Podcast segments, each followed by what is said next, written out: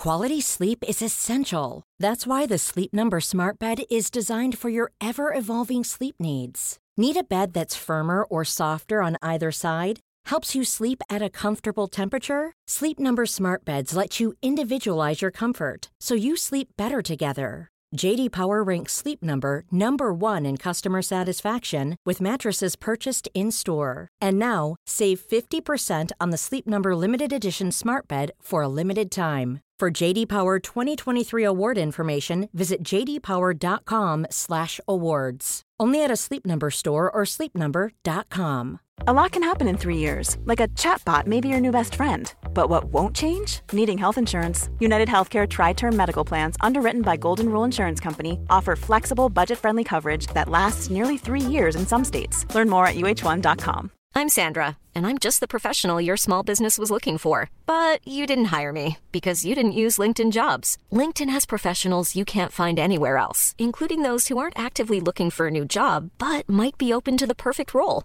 like me. In a given month, over 70% of LinkedIn users don't visit other leading job sites. So if you're not looking on LinkedIn, you'll miss out on great candidates like Sandra. Start hiring professionals like a professional. Post your free job on linkedin.com/people today.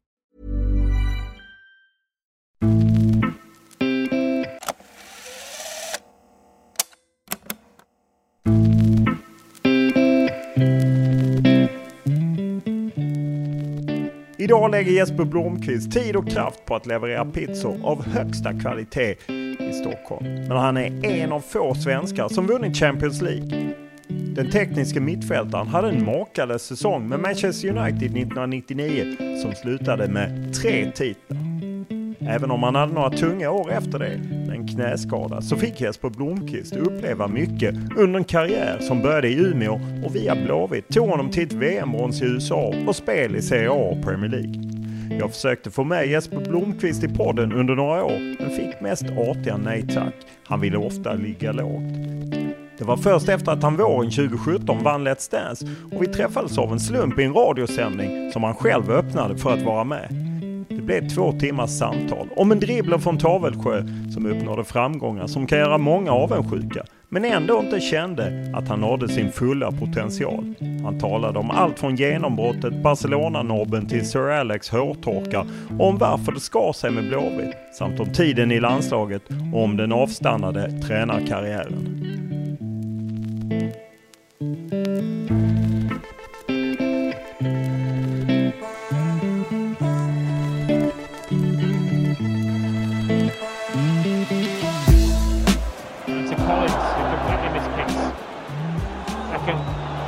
Ball to Keane. Now they have two spare men, Manchester United. Beckham plays it to Blomqvist. Surely it's going to score United's fourth. Great save. Not enough. 4-1 Manchester United. They're rampant.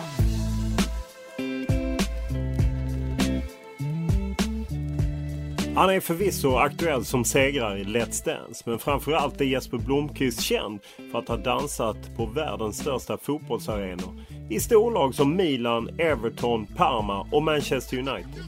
När nu hans gamla klubb kommer till Stockholm för att spela Europa League-final minns han tillbaka till tiden i United där legendariska tränaren Alex Ferguson var långt ifrån ensam om att dela ut hårtorkar.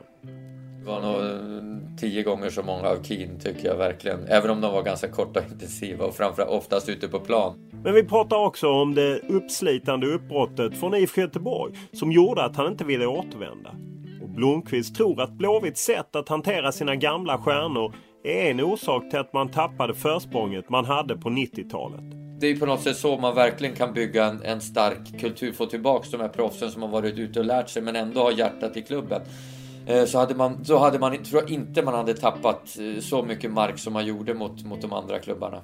Och Jesper Blomqvist är öppen om hur tiden som tränare i Hammarby gjorde att lusten att fortsätta arbeta inom fotbollen försvann helt och hållet. Jag tittade inte på fotboll på ett halvår, inte en enda match på ett halvår efter, efter att jag jobbat i Hammarby. För jag, det tog liksom döden på min kärlek till fotbollen. Utöver detta berättar Jesper Blomqvist om han jobbade hårt för att eh, bli riktigt fotbollsproffs i form av att köpa en lyxig bil.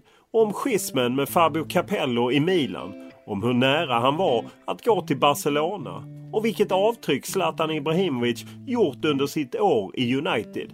En klubb som Jesper Blomqvist fortfarande jobbar för. Dessutom finns ett rejält bonusmaterial om Blomqvists landslagskarriär med bland annat VM-bronset 1994 och även om hans fantastiska kometkarriär i IFK Göteborg. Men här och nu inleder vi den här podden som vanligt med en faktaruta. Ålder? Oj, 43 år. Bor? Eh, Lidingö, Stockholm, utanför Stockholm. Familj? Ja, en son, Kaspar, och en bonusdotter, Cornelia. Utbildning? Oj, en lång utbildning. Nej, men jag är ju naturvetenskapligt på gymnasiet, sen har jag läst matte, vad är det, 30 poäng på universitetet. Eh, kreativ matlagning på universitetet, 10 poäng på distans. Sen läst eh, coaching och ledarskapsutbildning på universitetet. Eh, sen har jag ju läst en Cruyff-utbildning, en MDA i chefledarskap och ekonomi för före detta elitidrottare. Ja, där. Lön? Lön eh, varierat, noll till uppåt. Bil? Eh, en eh, Fiat 500 och en BMW. Hobby? Golf och paddel.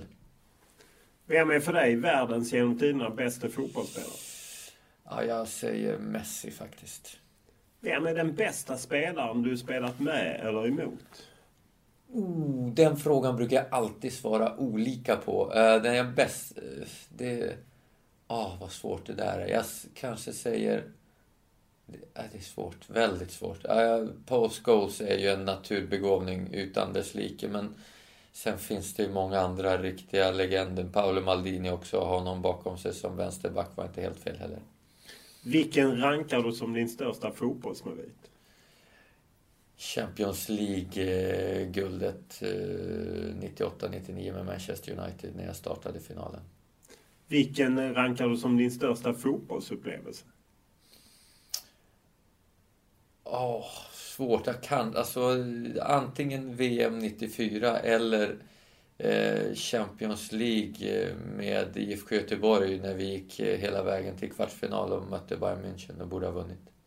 Utgå från att du har ett favoritlag. Vilket är ditt favoritlag och varför? Ja, egentligen är jag rätt dålig på favoritlag så har en, en flera stycken. Men eh, under de senaste åren har, har Manchester United blivit det, det starkaste laget i mitt hjärta. Både, mycket på grund av att jag jobbat mycket för dem och spelat mycket eh, veteranmatcher med dem. Vad fick du höra mest på planen när du, jag tänker trash talk och liknande? Åh, oh, nej, jag vet inte. Det var ju inte så himla, himla mycket. Tyckte jag. Nej, det var inget speciellt kanske. Nej, inget speciellt. Vad var det du tränade mest på under din, inför och under din karriär, liksom för att vässa? Eh, ja, egentligen var det nog, det absolut mesta var nog en mot en situationen då kunde gärna stanna kvar efter träningen och köra med, med någon lagkamrat eller själv. Jag var till och med ute i löparspåret och sprang med bollen och för, efter träningarna och försökte få... Men jag tränade väldigt mycket extra eh, i alla möjliga former. Men en mot en och dribblingar var nog det absolut mesta. Vilket är det snyggaste målet eller grej som du tar fram på Youtube och kollar på? Det som karriär. kommer fram först när jag googlar mig själv, det, är ju, det gör jag ju jämt.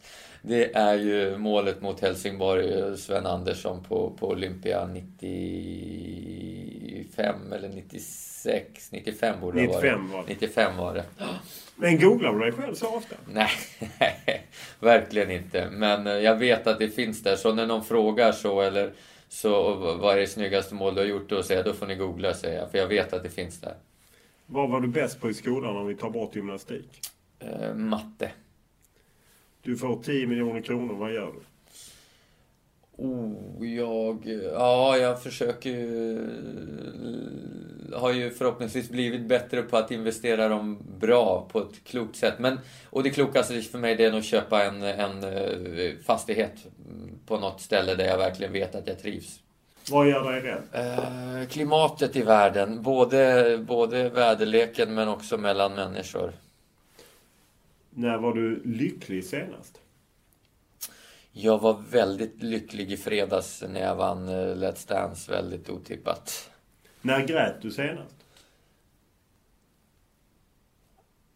Ja, men det var nog i taxin dagen efter när jag, när jag försökte summera lite grann eh, tankarna och eh, då blev jag och läste alla gratulationer och, och, och härliga kommentarer. Då blev jag väldigt sentimental. Sen var jag lite trött också kanske, men jag var väldigt, blev väldigt sentimental då.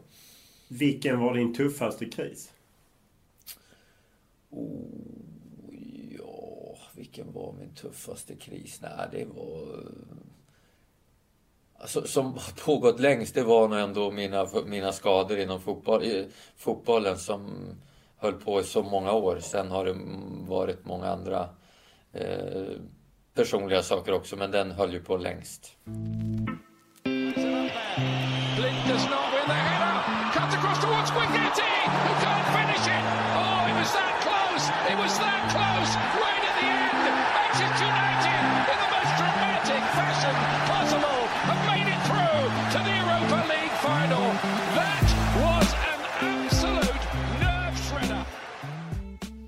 Det satt onekligen hårt åt och Manchester United var endast en Guidetti-bredsida från att falla på målsnöret i semifinalen.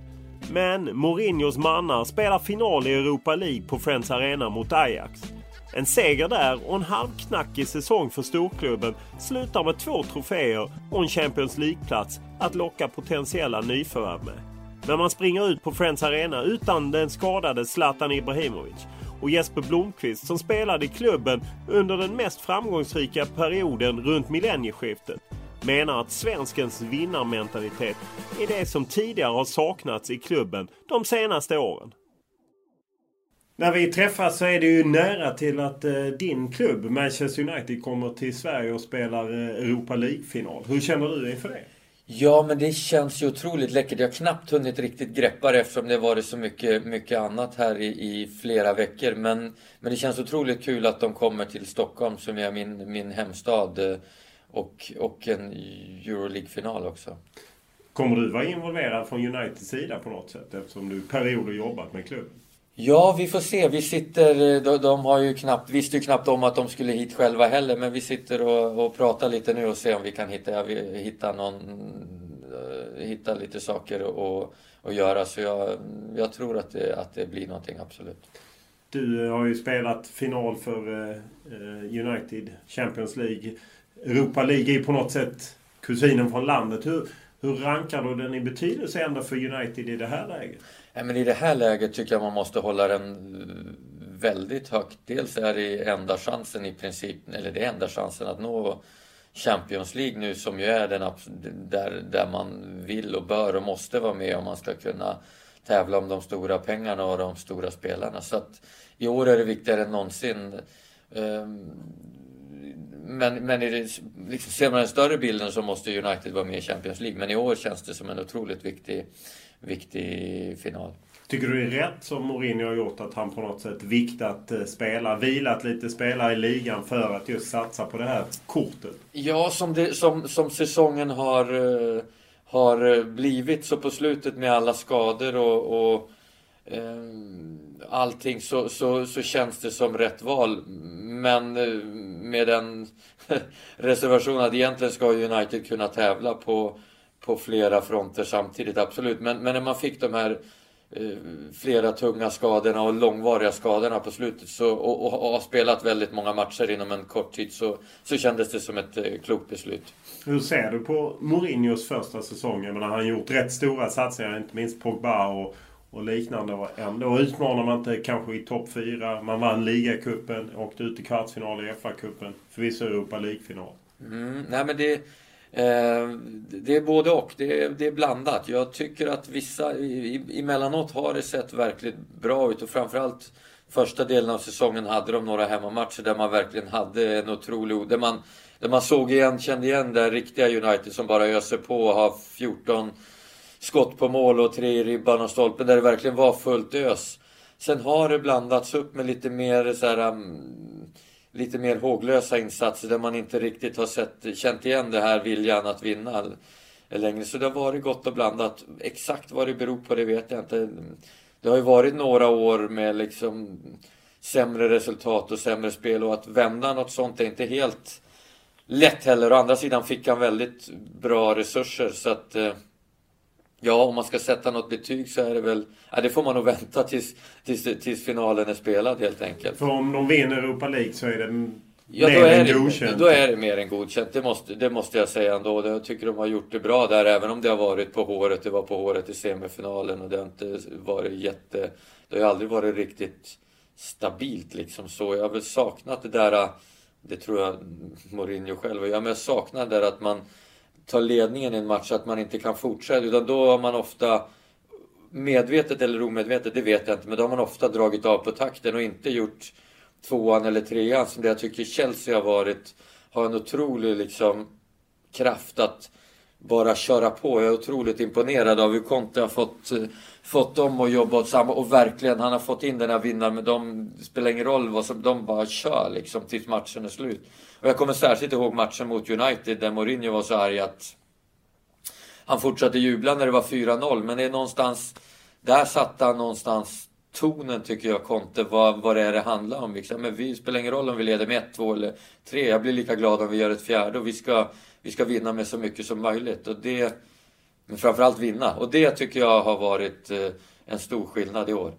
Om man ser till den mest omskrivna är ju Paul Pogba sett till hans prislapp som inte riktigt, han har inte riktigt levt upp till förväntningarna. Har man för höga förväntningar, blir en prislapp så en liksom kvarnsten runt halsen på honom. Ja, men jag, jag, tycker nog att det har blivit, jag, jag har verkligen lidit med honom. För, för jag, jag ser verkligen, han har en otrolig, han är otroligt fysiskt stark. Har en otrolig bollkänsla och kan göra otroliga saker med bollen. Har bra blick för spelet. Men, men det har på något sätt blivit, han vill hela tiden. Han har inte hittat den här balansen. Han överarbetar i många situationer. Och när han ska spela enkelt så spelar han för... Han är liksom inte koncentrerad. Alltså han inte, så att, jag tror att han mest har lidit av det verkligen den här, den här säsongen. Men jag är övertygad om att det är en av de absolut bästa. Jag, jag ser enorma kvaliteter. Men, men det är bara att konstatera, han har inte levt upp till, till sin potential i år. Det tycker jag verkligen inte. Hur ser du på framtiden under Mourinho? Tror du att han har det i sig att liksom höja United ytterligare?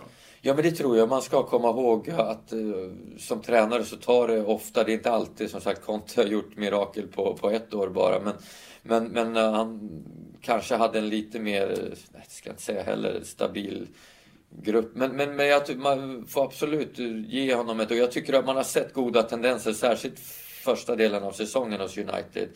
Eh, så att ehm, det finns och jag känner att det, det är stora, ännu större förändringar på gång i i truppen. Så att, ehm, ja, men det blir spännande att se hur, hur det, det blir nästa säsong.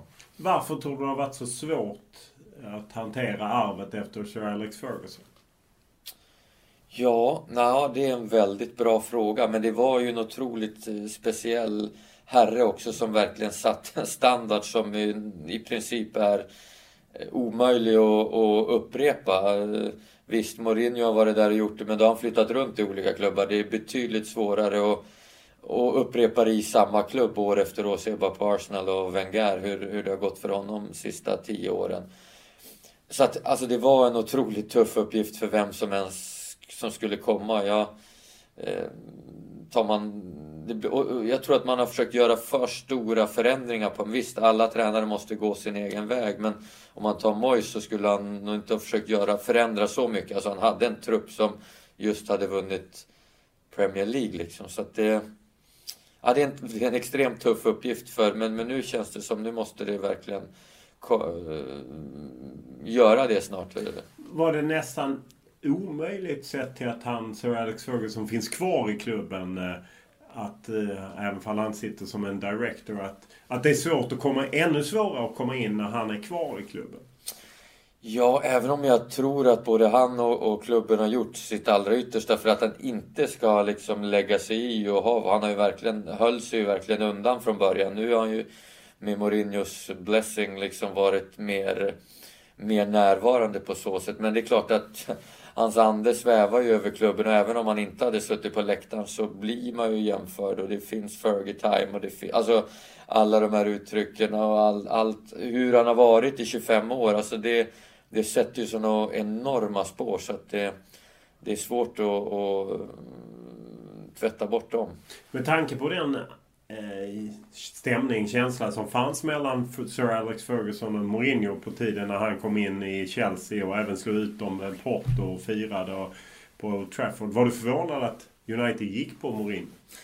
Nej, det var jag väl inte. Jag trodde nog att han skulle kanske ha kommit lite, lite tidigare också. Men det, det är säkert många saker där bakom. Men, så det känns, även om eh, det, det, det som talade emot det var ju att han inte har haft innan den här långsiktigheten eller stannat längre än tre år i någon klubb. Och det, det vet jag ju att det strävar ju United efter att hitta någon som verkligen kan sitta. Man vet hur mycket det betydde att Ferguson fick bygga upp sin ja, men sin känsla i klubben och, och, göra, göra det på sitt sätt. Och att det är ju viktigt för en tränare även om det blir mer och mer sällsynt. Ni är ju inte många svenskar som har spelat i A-laget på ja, tävlingsmatcher och liknande. Det är ju egentligen bara du och eh, Henrik Larsson och eh, Zlatan Ibrahimovic. Eh, även om Bojan Djordjic var väldigt, väldigt nära och så. Men hur ser du på Zlatans säsong? Nej, där, där tycker jag verkligen man får, eller jag, jag, ska, jag lyfter på hatten. Han har gjort det otroligt bra. Det, eh, men det kändes på något sätt när han kom dit att han var otroligt eh, taggad eh, och, och, verkligen ville visa. Och han behöver, från mitt sätt att se på det, just den här pushen att verkligen bli lite ifrågasatt och bli Ja, eh, så att han verkligen plockar fram det sista. Jag, jag har nog sällan sett honom springa så mycket och jobba så hårt och varit så så vältränad och orka så många matcher också. Så att, eh, nej, verkligen en, en bra säsong. På något sätt så i England så ena sekunden hyllade han så han nästa gång var det ju kris och han var stillastående och blockerade spelet. Sen hyllades han. Det är ju tvära kast så att säga. Men hur ser du på den kritik som finns att han på något sätt i perioder gjorde att United blev statiska? Och... Ja, men det är ju inte, det är inte bara, även om man spelar med en topp så är det inte bara en spelare som, och, då, utan, och, och spelar man med, med Zlatan som ensam, ensam forward då måste man ha andra spelare som, som går mycket mer och sugna att gå i djupet. Och det, det tycker jag United har varit lite av Uniteds akilleshäl. Visst, om man spelar med Rashford som ensam forward då, då kan han gå i djupet och då behöver inte de andra. Men, men det, måste, det måste vara ett samspel och det är ett, det är ett lagspel hela tiden. Så jag tycker att den, den kritiken blir, blir lätt överdriven. Sen så är han som alla andra, det går upp och ner. I vissa matcher är han bättre och i vissa matcher sämre. Men, men att, äh, att i sin första säsong göra så otroligt många mål och, och dominera så mycket som han har gjort. Och, och sen bara det sista som jag har förstått mer inifrån när man är där och lyssnar, att han verkligen har har eh, lead by example, alltså för de unga spelarna, verkligen varit den som kommer först till träningen, den som är proffsigast och verkligen visar vad som krävs för att, för att bli en vinnare. Och det tror jag verkligen man har saknat i United de sista åren. Att det, det har varit väldigt eh, ledarlöst. Visst, det har funnits några, men, men inte, inte tillräckligt starka personligheter som, och som vet vad som verkligen krävs för att, för att vinna, vinna ligan, för att vinna någonting. Och där, där har han varit otroligt viktig också. Det känner jag verkligen för folket runt omkring ja, i klubben. Är, så att när du åker dit och pratar med folk som jobbar kring United så ja. vi, får du en oerhört positiv bild kring vad Zlatan har gjort förutom mål. Och... Ja, men verkligen. Verkligen att han har bidragit på många och det, det tycker jag man, man känner när man, när man ser och hör Mourinho prata om honom och, och, och stötta Pep. Och man förstår att det inte bara det är inte bara målen. Bara en sån sak som att när det, när det är liksom en match, jag vet inte, jag har inget mot Chelsea eller någonting och det går lite tungt. Nej, men att han finns där, tar ta tag i bollen, vågar göra någonting, vågar liksom, våga göra något extra. En sån eh, kvalitet är ju också otroligt viktigt för ett storlag som har den här enorma pressen. Att de här yngre spelarna säger, ja men nu, wow, han vågade slå en tunnel eller ta ner bollen och göra en dribbling. Ja men nu måste vi följa honom liksom just att eh, Zlatan har ju aldrig himlat om att han ställer höga krav på sin omgivning. Och, jag menar, det kan ju, man ju uppleva både som positivt och hur tror du att det är för unga spelare där att liksom få att han ställer krav på dem? Kan det, är det bara bra? Det, det, det, jag tror att det är mer, mer positivt än negativt men det kan absolut vara tufft. Jag känner nog att i, eh, i en klubb som United så, så bör nog de flesta eh, liksom klara av det Men, men däremot kan jag tycka i landslaget ibland har det varit lite eh, tuffare där eh, för folk som har kommit in och, och, spelat att inte riktigt kanske klarat de, de tuffa tuffa, höga kraven som man har. Med, med all rätt egentligen, men, men som sagt, där ibland får man... Ja. Det är olika krav på en spelare som är köpt eller tillhör Manchester United och att man är uttagen i svenska landslaget. Ja, men så, så är det absolut. Och där kommer ju alla från olika bakgrund och vissa kanske inte ens har en erfarenhet av att spela i en av de större ligorna. Eller spela en internationell match innan och det är klart att då, då blir det en, en annan kravbild och man får vara lite mer lite mer eh, supportive. Men sen vet jag inte. Jag har ingen, jag har ingen inblick där. Om du ser till det tråkiga slutet som det blev på hans säsong och antagligen på hans United-karriär med skadan. Du själv haft knäproblem och så. Hur reagerade du när du såg det? Nej men jag blev uh, otroligt ledsen när man såg bara såg bilderna först och förstår att det verkligen är något. Alltså kändes otroligt tråkigt. Dels med den säsongen han har haft. Eh, dels att han är så pass eh, gammal ändå och då, då vet man att det är betydligt tuffare. Han hade bara ett år, hade han haft tre års kontrakt, ja men då hade det varit en annan. Så jag led verkligen med, eh, med, med honom där. Som sagt, Zlatan är stark och han kommer göra allt för att komma tillbaks. Men, men det var en otroligt tuff och, och, och tråkig smäll. Verkligen. Och just att missa en final på Friends Arena. Ja, alltså det här var ju verkligen dröm. För det är klart att det, han har depp, varit deppad men det är klart att veta att de spelar finalen här i Stockholm svider, svider ännu mer. Det hade ju varit en fantastisk avslutning. Om man ser till att eh, spela en final för United. Du gjorde ju det då i Barcelona var det 1999 mot Bayern München. Väldigt välkänd vändning. Eh, du eh, sitter väl på bänken när de två målen kommer som vänder det hela. Hur Minns man ofta tillbaka till hur det var eller? Har du lagt allt sånt på hyllan? Nej, men det är klart att man blir påminn någon gång varje år. Dels när det drar ihop sig till Champions League-final eller ja, slutet på säsongen. Och det kommer någon, någon fråga nu och då. Men, men jag har fortfarande svårt att minnas de där jag får sätta mig ner och slå, jag har nog sett den kanske en gång eller två gånger filmen och då kommer jag ihåg lite mer men det var så mycket som hände, så mycket som eh, som pågick runt omkring att jag var, och jag var så fokuserad på att bara prestera bra på planen och träna bra så att jag väldigt få klara minnen. Ni är ju inte många svenskar som har, har vunnit eh, Champions League och på jag menar, den senaste är Henrik Larsson med Barcelona. Innan dess var det Patrik Andersson och du och sen är det några som har varit med och vunnit tidigare på 70-talet och så. Hur svårt är det egentligen? Ja, nej men det är ju både, det, det, är ju väldigt svårt eftersom man, man på något sätt måste ha tur och tur eller skicklighet. Jag vet, ja, men det är ju mer tur att spela i rätt lag som, som går hela vägen. Det räcker ju inte med att man är Sveriges eller världens bästa spelare tio år i rad. Alltså, man måste ha turen att hamna i ett lag som, som har flyt och hittar, hittar rätt känsla under en hel säsong för att ta sig till till en final. Så det, det är väldigt små marginaler som, som avgör. Du startade ju den matchen lite överraskande eh, som jag minns det. Kommer du då ihåg vad du kände inför att gå ut inför en sån match? Ja, nej, men jag kommer, jag, det, det, var ju inte så överraskande för mig. Jag visste om det rätt relativt tidigt då eftersom vi hade någon avstängning och eh, någon, eller två avstängningar och någon skada. Så, att, så då var jag ganska gjuten. Jag, jag vet att Ferguson sa till mig typ två veckor innan nästan att, det var, att tanken var att jag skulle spela. Så, och, och det gav mig väldigt mycket tid att tänka igenom det hela och det var väl... På gott och ont? På gott och ont. Mer ont kanske i det här fallet. Varför det? Nej men det blev... Jag, jag hade... Jag hade inte så ofta svårt att hitta rätt anspänningsnivå. Det var något tag framförallt i Milan som det var lite tuffare. Men men jag brukade ha lätt att hitta liksom rätt nervositet så man kunde ladda mm, på ett bra sätt och vara, var taggad men ändå lagom nervös så att man fick den där sista kicken. Men, men den, den finalen, då kändes det verkligen att jag hade både lite svårare att sova än vanligt innan och att det var mer som det var mer än en vanlig match och, och då blir det alltid lite svårare att hitta rätt anspänningsnivå. Hur är känslan när man blir utbytt i en sån match och det liksom inte är avgjort?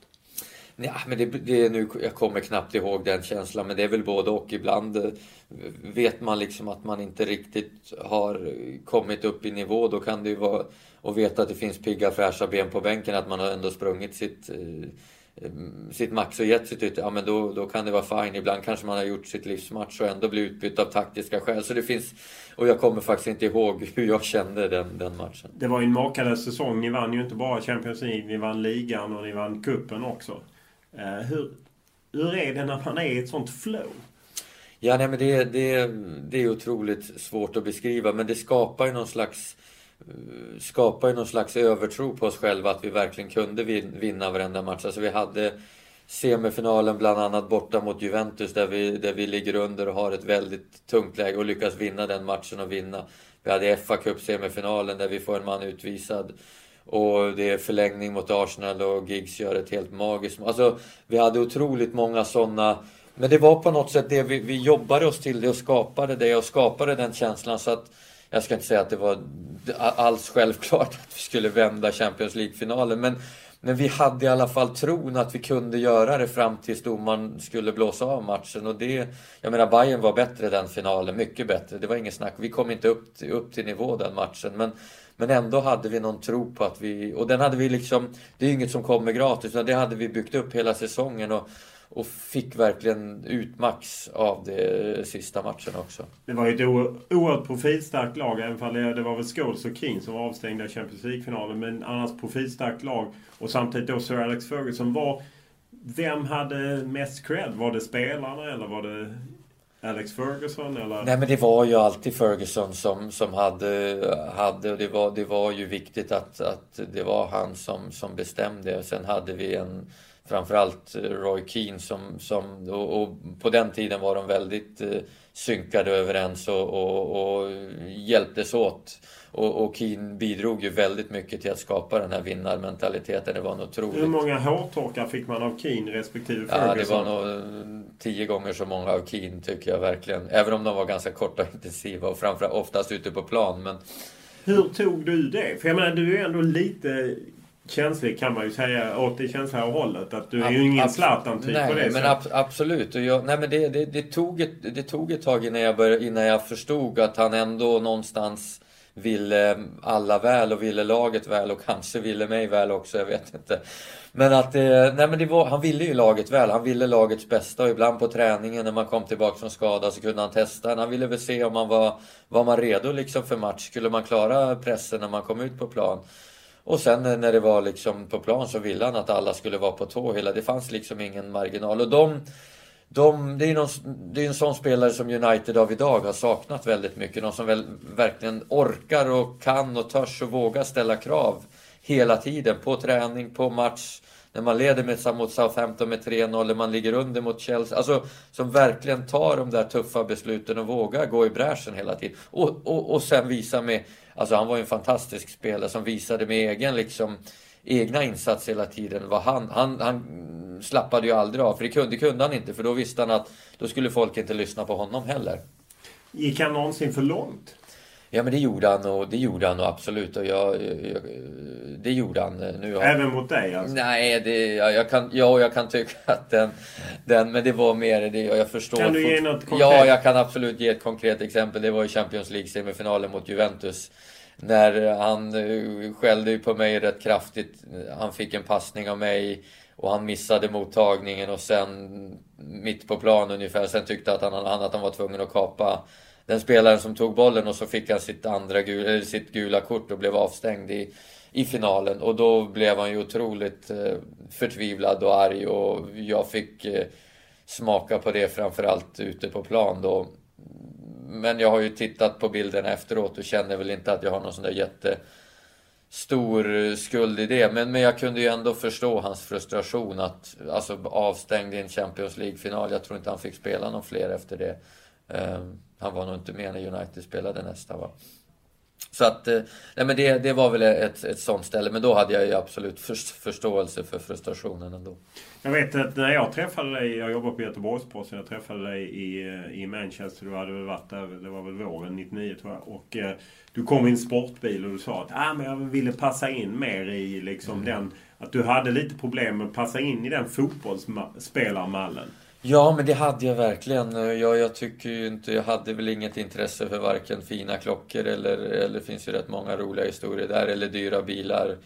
Ehm, men jag började väl inse, inse efter två eller tre år utomlands att det på något sätt fanns eh, någon inbyggd liksom eh, hierarki där och, och, ville man liksom komma några snäpp upp på den så, så behövde man skaffa sig en bra bil och en, en fin klocka för att eh, slippa... Alltså självklart var det fotbollen som var avgörande men det var ändå på något sätt Ville man tjäna några hack och liksom inte behöva kämpa sig upp ända från gräsrotsnivå så, så kunde man ta några genvägar och då var väl en, en schysst bil en, en sån en sån genväg och det fick jag väl försökt anamma till slut i alla fall.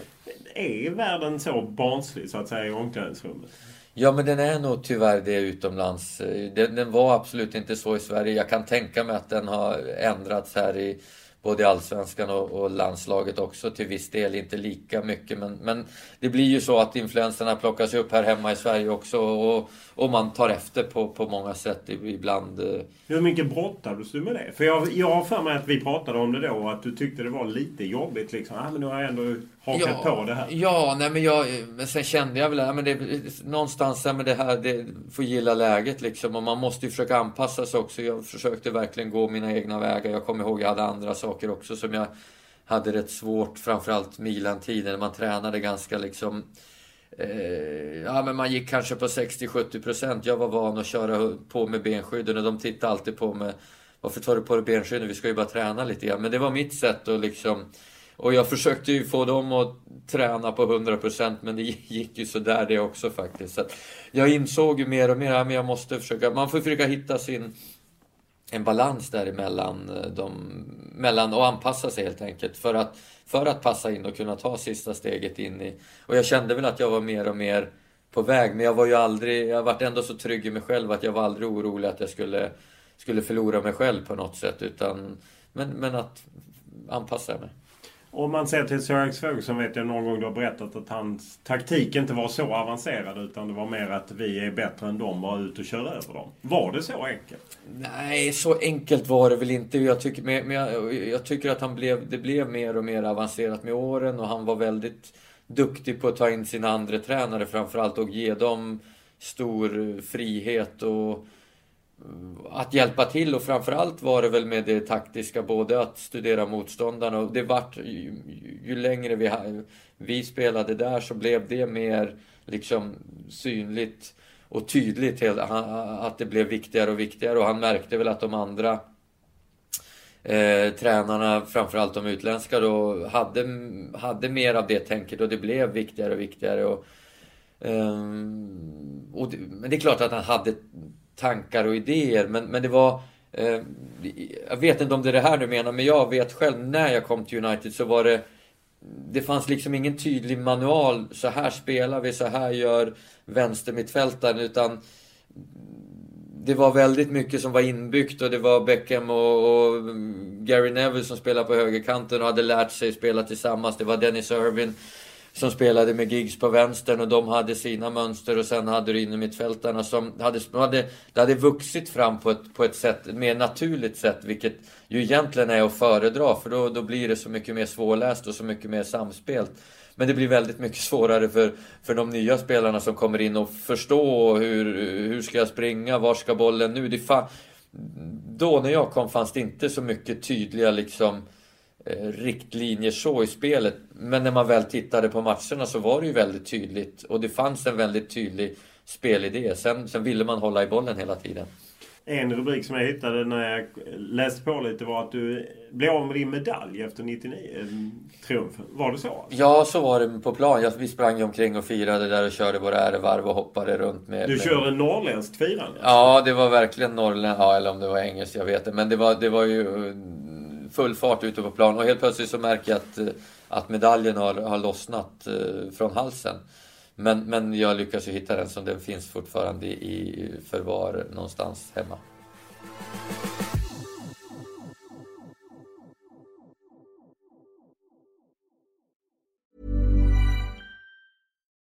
Life is full of what ifs. Some awesome, like what if AI could fold your laundry? And some, well, less awesome, like what if you have unexpected medical costs? United Healthcare can help get you covered with Health Protector Guard fixed indemnity insurance plans. They supplement your primary plan to help you manage out of pocket costs. No deductibles, no enrollment periods, and especially no more what ifs. Visit uh1.com to find the Health Protector Guard plan for you. Quality sleep is essential. That's why the Sleep Number Smart Bed is designed for your ever evolving sleep needs. Need a bed that's firmer or softer on either side? Helps you sleep at a comfortable temperature? Sleep Number Smart Beds let you individualize your comfort so you sleep better together. JD Power ranks Sleep Number number 1 in customer satisfaction with mattresses purchased in-store. And now, save 50% on the Sleep Number limited edition Smart Bed for a limited time. For JD Power 2023 award information, visit jdpower.com/awards. Only at a Sleep Number store or sleepnumber.com. I'm Sandra, and I'm just the professional your small business was looking for. But you didn't hire me because you didn't use LinkedIn jobs. LinkedIn has professionals you can't find anywhere else, including those who aren't actively looking for a new job but might be open to the perfect role, like me. In a given month, over 70% of LinkedIn users don't visit other leading job sites. So if you're not looking on LinkedIn, you'll miss out on great candidates like Sandra. Start hiring professionals like a professional. Post your free job on linkedin.com/people slash people today. Away nicely to Blomqvist. Here's Wren. Then it forward again. Onside. Blomqvist now. A great chance for Gothenburg. Problems to Manchester United. And he scores. grande ammucchiata, il colpo di testa, Blomqvist posizione regolare, sinistro e gol! Blomqvist, gran gol, rapidissimo, ha colpito. Succén i Champions League gjorde både Jesper Blomqvist och IFK Göteborg till aktade namn i fotbollseuropa i mitten av 90-talet. Målen mot United och Milan gjorde att de utländska proffsklubbarna slog som Blomqvists namnteckning och miljonerna rullade in till Kamratgården. Men uppbrottet från Blåvitt fick en bitter eftersmak och det slutade i rättsliga följder där Jesper Blomqvist vann. Och det bidrog till att Jesper Blomqvist senare valde bort IFK Göteborg när det var dags att återvända till Allsvenskan. På något sätt så förknippar man ju dig starkt med Blåvitt den framgångsperioden du springer där med dina eh, armar, tröjärmar dragna långt ner. Ändå så återvänder du inte. Alltså, Blåvitt var ju mästare på att ta tillbaka alla gamla spelare som varit där. Men du återvänder inte. Jag vet att det är kontakt typ 2001 när du är utan kontrakt efter Everton-tiden tror jag det var. Eller om det var innan Everton. Hur kommer det sig att du aldrig återvänder? Nej, det där jag har väl pratat om det när i någon, men, men vi, vi, utan att gå in allt för mycket på det, vi, vi skildes väl inte som, och det var väl just i den, den tidpunkten där som Blåvitt kanske inte riktigt eh, hade, behöll samma vana som de hade haft innan. Det vart där med Bosman och det vart övergångssummor hit och det vart en annan typ av eh, Ni blev ovänner om pengar Ja, vi, blev, vi var inte överens om pengar och jag kände mig rätt eller fel eh, åt, eh, orättvist behandlad. Och, och, och på så sätt hamnade Göteborg på något sätt på samma...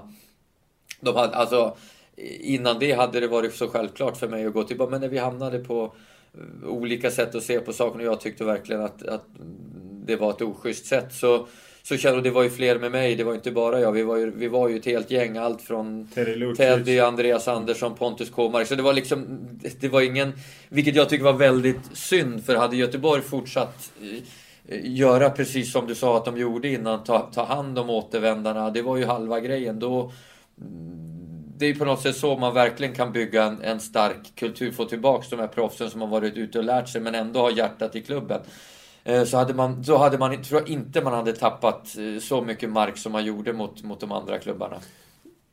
Det, det sades ju alltid då att på något sätt Gunnar Larsson, stark ordförande då eh, och stark man i klubben. Att han hade gjort någon slags deal med Barcelona om att du skulle gå till Barcelona och du går till Milan istället. Och att det var liksom något. Det fanns någon förköpsrätt från Barcelona och liknande. Hur upplevde du det? Ja, Jag vet precis hur jag upplevde det. Eh, Kan du inte berätta Jo, det? men jag kan berätta lite grann i alla fall. Jag eh, hade ju sagt till alla, jag ville till Milan. Det var min, jag, hade ingen agent. Jag sa till alla som kom pratade med mig, ja men kommer ni med Milans kontrakt så eh, så skriver jag på både för Milan och för dig som agent. Jag var så otroligt liksom fokuserad. För Milan var det absolut bästa laget i Europa då, det får man, det får man ge dem.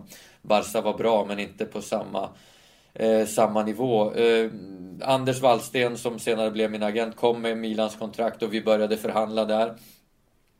Men det fanns ju många andra då, som sagt, bland annat Barcelona som jag, jag vet inte hur mycket gubb, men jag vet att de hade haft kontakt med IFK Göteborg och jag fick ta en sittning med dem på Kamratgården där de i princip slänger fram ett, ett kontrakt där det inte står några siffror och jag på något sätt ska, eh, självklart inte, men, men liksom vad, vad vill du ha för att komma till Barcelona? Och de hade flugit dit en delegation till, till Göteborg. Men jag, för mig och Anders kändes det ju, vi hade ju eller jag hade ju bestämt mig för länge sedan att jag skulle till Milan och deras, jag visste om att det fanns ett kontrakt där så det, det var mer ett eh, spel för gallerierna vilket jag tror Barcelona insåg när de slänger fram ett kontrakt och inte... Du kunde fyllt i vilka siffror du ja, vilka siffror, Ja, men i, alltså självklart med rim, men, men i princip. Och då tror jag att de blev lite um, arga på mig men kanske på Göteborg också då. Ja, och blev Gunnar Larsson arg på dig? Jag vet inte vad de, jag vet inte vad de, jag kommer inte exakt ihåg det, men, men jag vet inte vad de hade för överenskommelse, men han ville väl säkert ha sin, han ville ju ha så mycket pengar till klubben som, som möjligt, vilket jag absolut eh, kan, kan eh, förstå, men jag, jag tyckte nog att de fick eh, en bra det, slant av Milan ändå. Har du någonsin pratat med jag menar Gunnar eller Roger Gustafsson eller de andra. Jag menar efteråt eller bara dog i relationen? Uh, nej, men den dog inte. Och Roger har, jag, Roger har jag alltid tyckt och eh, håller jag otroligt högt fortfarande. En fantastisk både person och tränare. En av mina absolut bästa och viktigaste tränare. Om inte den viktigaste och bästa jag har haft. Så att eh, honom har jag aldrig... Men han hade ju inte så mycket med affärerna, med affärerna att göra. Uh, vi, vi hade ju alltså den här, som sagt jag vill inte gotta ner mig för mycket men den här eh, den här saken tog ju ganska lång tid att reda ut. Och blev det rättsliga? Det blev rättsliga efterspel och jag fick nog rätt på i princip alla punkter. Eh, så att, eh, var det du som tog dem till rätten helt enkelt och ville ha ut din del? Ja, jag, jag kom faktiskt... Alltså det är så länge sedan nu så jag, jag tenderar att lägga de här sakerna bakom mig. Vi löste det liksom. Och, var väl inte så mycket hard feelings efter det. Frånsett att jag inte kände samma... Eh, Oerhört sorgligt slut. Samma glädje. Det var en väldigt sorgligt eftersom mina bästa fotbollsår, om man tittar, var ju IFK Göteborg. Både att det var så många år och att jag hade, spelade min... Jag kunde ha blivit ännu bättre och jag var bättre i Manchester United och i Parma och Milan. Men, men inte då hade jag ännu mer potential än jag hade. I Göteborg spelade jag min absolut och vi nådde några otroliga framgångar och jag hade blev otroligt hyllad och, och det var en fantastisk tid för mig. Så det, det är väldigt sorgligt fort och jag känner, jag har inte varit, nu flyttade jag till Stockholm och blev liksom eh, det blev inte lika naturligt, men jag kände inte samma. Men varje gång jag kommer tillbaks till Göteborg känner jag en sån Dels en sån otrolig kärlek till staden. Jag trivdes otroligt bra. Men sen märker jag att människorna också får vara på västkusten, inte i Göteborg förra sommaren. Och folk kom fram som, jag inte, som inte händer här i Stockholm och genuint liksom glad. Och det, det är verkligen en härlig känsla. Så det, det är tråkigt och ledsamt att det, inte, att det blev det slutet i, i Göteborg. När var du senast på Kamratgården? Ja, det var... Ja, det är nog... Det är väldigt, väldigt länge sedan. Har du varit där sedan du lämnade klubben? Jo, men jag tror att jag... Jo, men det har jag nog varit någon gång. Jag vet att jag var på någon, något träningsläger när jag skulle försöka komma tillbaks igen. Eh, med... med eh, jag kommer inte ihåg vem som var tränare. Gud, jag fick hänga med på något träningsläger och, och träna några, några pass i alla fall när jag skulle försöka jobba mig tillbaks igen. Så att absolut, och jag har ju kontakt med med några, med, med Leif Svärd, läkare, Palle Davidsson, sjukgymnast och, och några, några av de andra också och spelarna också. Så att eh, allt från Ravan till Ölme och sen har vi Erlingmark. Alltså Eh, så att jag har ju kontakt, men, men det, det, blev tyvärr rätt... Eh, jag hade önskat så att men sen det är det är inte, det är inte bara, det är, det är upp till mig också. Så att jag, och det är så mycket lättare i efterhand att se att veta och inse att det är inte bara ens fel, det finns alltid två som, när man bråkar om någonting så finns det två som, två som, som är problemet. Jag är ju nyfiken av mig, eh, hur mycket pengar handlar det om? Nej, jag, jag, jag, kommer faktiskt om du, Jag kan ärligt säga, jag har ingen aning i dagsläget hur mycket det handlar om. Men det var ju pengar att, som var värt att slåss rättsligt för. Ja, men det var det. det var, men framförallt för mig har det ju aldrig egentligen... För mig var det mer en, en sak. Har jag blivit lovad någonting och vi har tagit i hand och skrivit ett kontrakt så, eh, så är det det som ska gälla. Eh, sen som vanligt kan man alltid säkert tolka kontrakt och handskakningar. Men, men jag är väldigt liksom där trogen, eller vad ska jag säga, då vill jag, då ska rätt vara rätt. Så det var nog mer det än, än själva eh, pengarna och, i, som sådan. När Blåvitt just nu har ju lite tufft i Allsvenskan. Hur känner du? Följer du matcherna? Eller har du någon jag, koll? Nej men jag tittar väl lite grann ibland. Jag håller ju, alltså det, det finns Du håller med på Djurgården helt enkelt? Ja, det, det, vet nu har det blivit. Nu tycker jag att Djurgården är, alltså jag är, om jag ska vara ärlig, Allsvenskan inte riktigt haft något sånt favoritlag sen. Alltså, men jag tycker, nu tycker jag Djurgården, sen, jag, jag är mer en sån här som följer personerna som, som jobbar i klubbarna och som är i klubbarna. Och nu, nu är Djurgården både med, med Bosse Andersson i spetsen som jag älskar. Jag Kim, Andreas. Eh, jag tycker det är en otroligt spännande säsong de har framför sig. Men det är mer, jag är mer för för personerna i, i klubben och nu i Göteborg är det inte så många som, som är kvar nu. Efter Blåvitt så tar du ju en sväng till Milan. Du är ju ett stort nyförvärv där, gör en succé. Berlusconi säger att det är det bästa han har sett. På, minns man ju... Första, första premiärmatchen. Jag ja, hoppade in mot Udinese hemma på, på Milanello. Ja men verkligen den, den, de lovorden eh, är ju rätt fina att höra. Vad är det som går snett sen? Det är ju på något sätt det lyfter ju inte riktigt. Nej, men alltså egentligen om jag ska liksom lyfta det som egentligen går snett är ju att Milan har sin eh, sämsta säsong på tio år och då är det inte kul att komma som ung, eh, blyg svensk och ta för sig.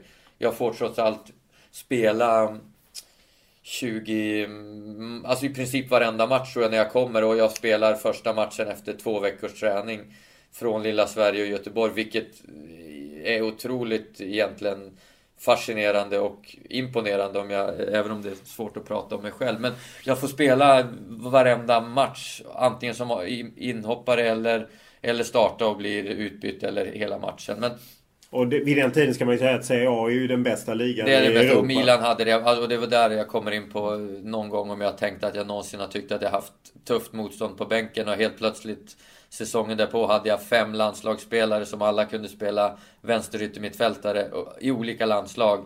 Och var typ kapten, tre av dem var kapten. Och då tyckte jag att det började bli lite tuff konkurrens. Det är enda gången du har tänkt så? Då tänkte jag så, men jag var ändå beredd att kämpa om Campello hade trott på mig och gett mig chansen. Ja, vad är det, det varför tror inte Capello på dig? För det är ju där det på något sätt skär sig. Ja, det är där det skär sig. Nej, men bara snabbt, nu blir det, nu blir det långrandigt här. Men, men eh, alltså Milan hade ju sin sämsta säsong och det blir tufft för alla. Och, och, det blir mer att alla måste... Jag hade ju hoppats komma till Milan och få växa sakta men säkert in och lära mig italienska, lära mig fotboll. Jag hade ingen brådska. Jag behövde inte spela från start. Jag hade kunnat ta ett halvår och bara träna och hoppa in någon match och verkligen få växa in i det. Men när jag blev verkligen inkastad, för jag vet att Saki hade han älskade mig och han gillade nog framförallt min inställning att jag verkligen, trots att det gick tufft både för laget, så gav jag alltid 110% och jobbade otroligt hårt för laget. Både på träning och match och lyssnade på honom. Vilket kanske inte alla andra gjorde. Så jag fick ju spela varje match eh, den vårsäsongen. Men det, det tog hårt på, på mitt psyke också. Vi blev utbytt hela tiden och att laget inte... Så ja, det var första gången då som jag kände att fotbollen inte riktigt var lika kul som den hade varit. Och det blev tuffare mentalt. Och sen kommer Capello. Sen kommer Capello. Saki får gå. Saki får gå. Vi, vi värvar en 7-8 nya spelare igen med alla med landslagsmeriter från olika, från Holland, Brasilien. Och det börjar liksom hattas och han hittar inte riktigt något rätt formula heller. Han tror att det ska gå Och Capello är ju en annan typ av tränare än, än det jag kanske föredrar som mer ställer krav och förväntar sig att alla bara eh, ska eh, prestera och kanske mer att de ska, det räcker om de presterar på 90 procent. Eh, och han skäller på oss 90 procent men det blir ändå så pass bra att de vinner ligan istället för att någon som kanske Ancelotti eller Ferguson får ut 110 procent av alla spelare och då blir det jätte, jättebra. Och kanske jobba med lite liksom sämre material.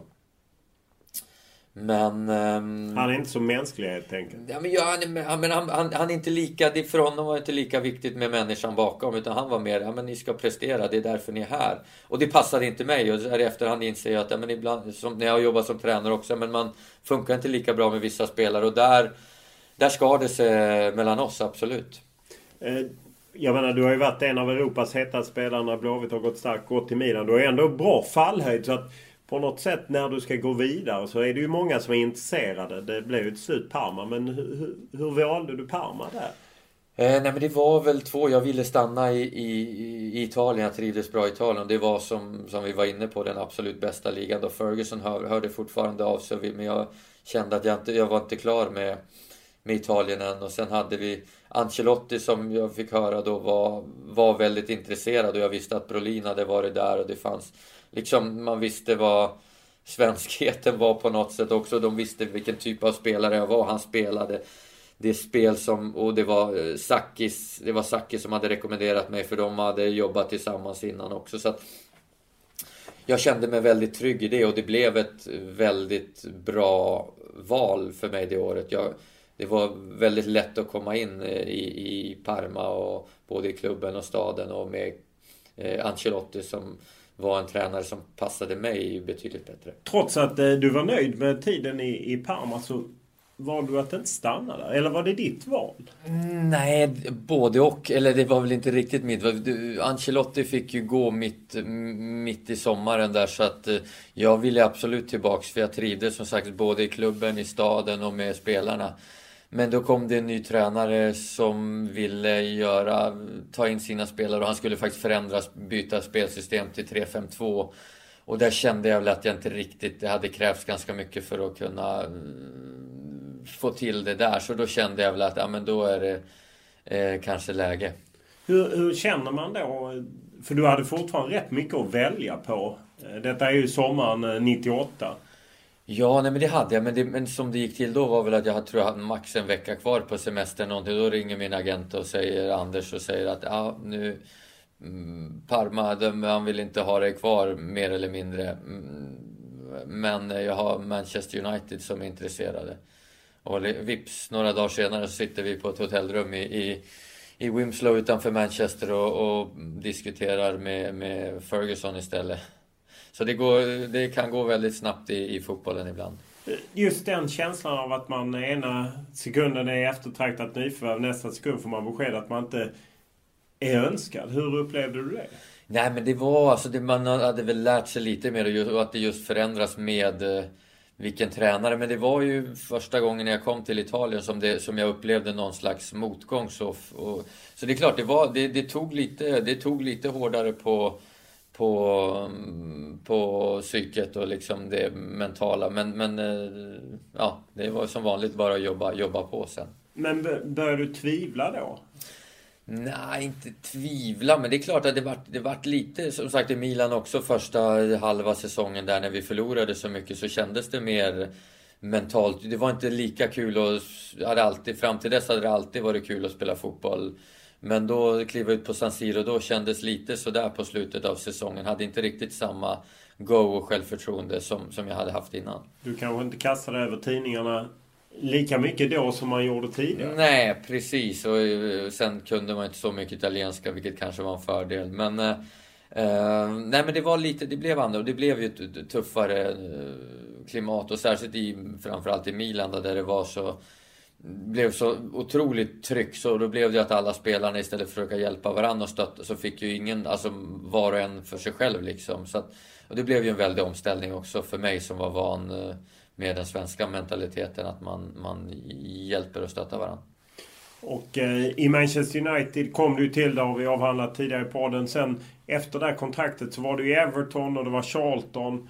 Där du, även om det gick bra i början av Everton, så var det ju ändå som att karriären planade ut. Hur, hur var känslan då? att eh, När det började liksom gå mot och knät krånglade och... Ja, nej men känslan var ju fortfarande... Jag visste ju, det är väl det jag alltid har eh, hävdat. Och jag hävdar fortfarande samma som det var med Henke. Vem var det senast? Jag, eh, man blir bara bättre och bättre spelare ju äldre man blir. Om man har fysiken med sig och kan undvika skador och ha kvar kärleken för fotbollen. Och jag hade verkligen kvar kärleken för fotbollen och brann verkligen för det. Sen var det bara skoj. Men jag visste att skulle jag bara komma tillbaka så fanns alla. Jag var ju bara 28 år och 27 år så skulle alla möjligheter finnas. Så att jag var liksom inte orolig och hade en otroligt... Eh, tränade ju kanske sista åren hårdare än någonsin. Jag träffade en specialist i Kroatien och var hos honom och då var det 6-7 timmar om dagen med stenhård träning. Så jag var otroligt sugen men, men det är klart att mellanåt blev det mentalt jobbigt när jag, när jag inte fick spela. Det vart ju väldigt få matcher de sista, sista fyra åren, det, det måste jag ju säga. Om du tittar tillbaka idag, känner du att ah, fan, jag fick inte ut all potential? För om man ändå tänker, du är född 74.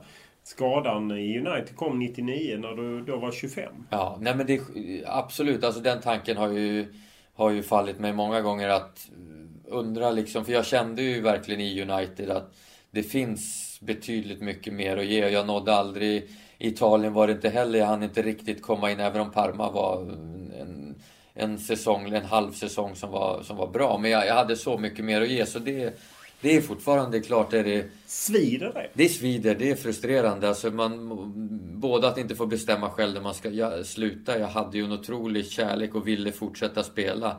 Och, och brann verkligen för det och visste att jag inte alls hade nått upp i min, min högsta kapacitet. Och det fanns mycket mer att ge i, i, som jag kände i Manchester också.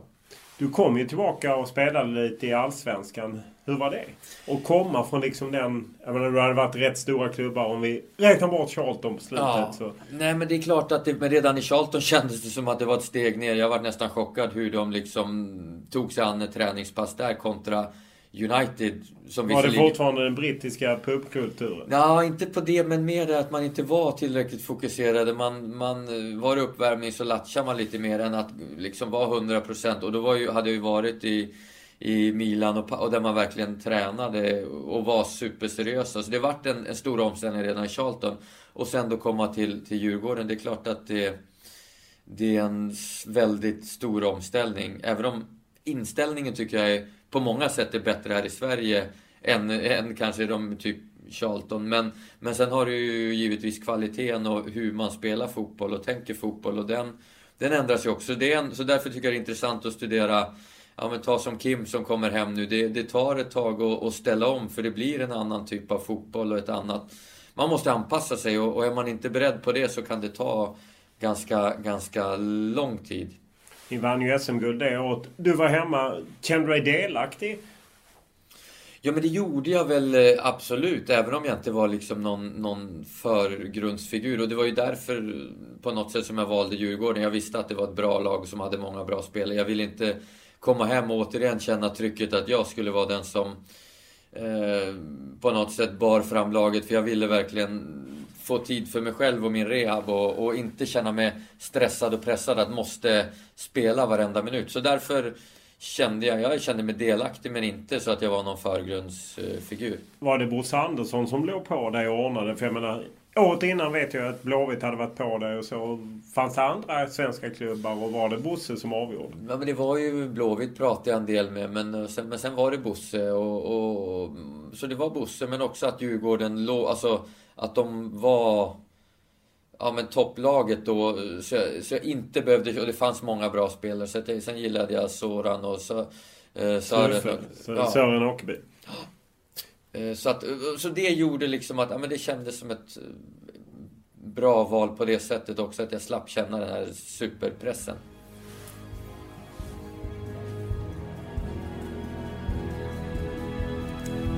Vinnaren är...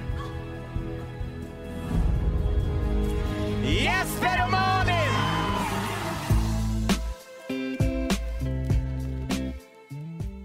Med segern i Let's Dance, TV4s underhållningsprogram, är Jesper Blomqvist plötsligt tillbaka i rampljuset efter att under några år hållit en låg profil. Han medger att det varit svårt att hitta rätt efter spelarkarriären. Speciellt efter tiden i Hammarby, för den tog död på såväl hans spirande tränarkarriär och kärleken till fotbollen. Jag tror inte någon denna vår har missat att du har varit med i ett stort program som heter Let's Dance och dessutom vann. Som jag i och för sig trodde att du skulle göra. Ja, du var en av de få som trodde det från början tror jag. jag... ja, men jag gick in med det på bara egentligen jag visste att det skulle bli otroligt kul. Jag visste att jag skulle tycka att det var kul att dansa och sen hittade, fick jag en extremt bra, bra lagkamrat i, i Malin och eh, ja, men därifrån har vi bara, jag tog fram det här från fotbollen och jobbat extremt hårt, målmedvetet och haft otroligt kul och då ja men då kommer resultaten. Sen att det skulle gå så här, det hade, bra, det hade jag ingen, verkligen ingen aning om. Men... För annars har du lite befunnit dig lite medial skugga kan man ju säga. Och jag vet att jag har ju ringt och velat ha med dig i podden och sagt ah, men jag vill egentligen inte kliva fram och, och så. Att, och du har lite lämnat fotbollen. Du hade ju en tränarkarriär lite på gång men... Ja, nej men jag kände att jag hade börjat liksom lugna ner mig. Det var rätt skönt att och inte stå i rampljuset lika mycket. Jag tackade nej till de flesta. Jag såg liksom ingen, jag, jag jagade mig några, något, något år där eller så, men jag försökte förklara att jag inte, ja, men jag trivs rätt bra, jag håller en lägre profil. Och så, så, och så har det varit. Men sen när jag Let's Dance dök upp så kände jag ändå att, ja, men det här, jag visste att det skulle bli ett enormt eh, uh, intresse från, från media. Men då kände jag ändå att jag, jag tror att jag kommer tycka det här är så pass kul att jag verkligen uh, ville ta chansen och offra den här radioskuggan ett tag. Och det var verkligen så att jag, jag offrade. Jag hade, skulle iväg och spela en, eh, en match med Uniteds uh, legender där i Australien och hade redan skrivit på ett kontrakt. Så jag fick jobba väldigt hårt för att komma ur det kontraktet. Jag ringde nog till liksom 10-15 gamla spelare för att be dem ta min plats så att jag kunde vara med i Let's Dance istället. Och till slut så lyckades jag lösa det. Men det var väldigt eh, målmedvetet från min sida att jag verkligen ville... Jag kände på mig att jag skulle tycka att det var väldigt kul med Let's Dance. Ja, för att det knyter an till att du lite lämnat fotbollen. Förutom att du jobbar för Manchester United. Vad, vad är det för anställning du har där? Eller? Men ingen riktig anställning. Dels så spelar vi ett gäng matcher, officiella matcher. Vi möter Barcelona nu i juni på Nou Camp. Eh, det blir en riktigt härlig tillställning. Och sen har vi returmöte september på, på Old Trafford. Så det, är några sådana matcher per år. Sen gör jag en del jobb för deras eh, olika partners, eh, sponsorer eh, ute i världen när de behöver, när de behöver hjälp. Det är inte, de har ju sina stora ambassadörer men ibland så räcker, räcker inte de till och de har mycket olika saker. Då, då rycker jag in och nu här i Stockholm blir det nog säkert lite, lite sånt jobb också inför Euroleague-finalen. Det måste vara jävligt kul att komma och träffa gamla spelare och spela den typen av match. Ja men det är jättekul. Framför, alltså båda sa, både, det är jättekul att liksom träffa alla och prata. Man får en update vad de gör och får, man kan bolla lite idéer och eh, ja, lyssna så och prata med varandra. Jättekul höra hur familjerna mår. Så det är, det är, det är det och vi har jättekul när vi åker iväg också. Man, det blir lite som på den gamla goda tiden fast man kan njuta av det mycket mer och ha mycket roligare. Och sen är matcherna blir ju alltid extremt eh, tävlingsinriktad ändå. Det är full, full fart verkligen. Eh, så att, eh, Vilka är det som är Roy Keane med? Scholes och Giggs? Ja, nu har det ju varit... Scholes har varit med på slutet. Eh, Giggs har inte hunnit vara med någonting. Keane var väl med ett tag men sen har han varit... Vissa har ju sina tränarkarriärer och jobbar rätt mycket. Då blir det, blir svårt. Men Scholes har varit med. Vilka har vi varit med? Phil Neville, eh, Dwight York, Andy Cole. Eh, uh, Japp Stam har varit med en annan kurs. Det, uh, ja, men det brukar... Det, det varierar lite men det var, ibland är det riktigt bra uh, uppslutning och väldigt tuffa tuffa matcher. Vi mötte ju Liverpool här i Stockholm och då hade ju Liverpool tycker jag ett fantastiskt uh, bra och namnkunnigt lag. Så det var, det var riktigt uh, kul. Just att det inte blev mer. Du var igång i Enköping som tränare och sen faktiskt i Hammarby också ihop med Micke Borgqvist. Vad hände med tränarkarriären? Nej men jag kände väl... Eh, det blev det... Ja, dels vart det rätt tufft i Hammarby tyckte jag. Det, det, det, året var ganska... Eh, tog lite sugen ur min eh, fotbollskärlek. Eh, det var för mycket liksom runt omkring som jag alltså inte hot och grejer? Ja, och grejer som jag, som jag absolut inte tycker hör hemma eh, i en eller runt en fotbollsklubb eller ett fotbollslag. Utan det, det ska ju bygga mer på glädje och att man...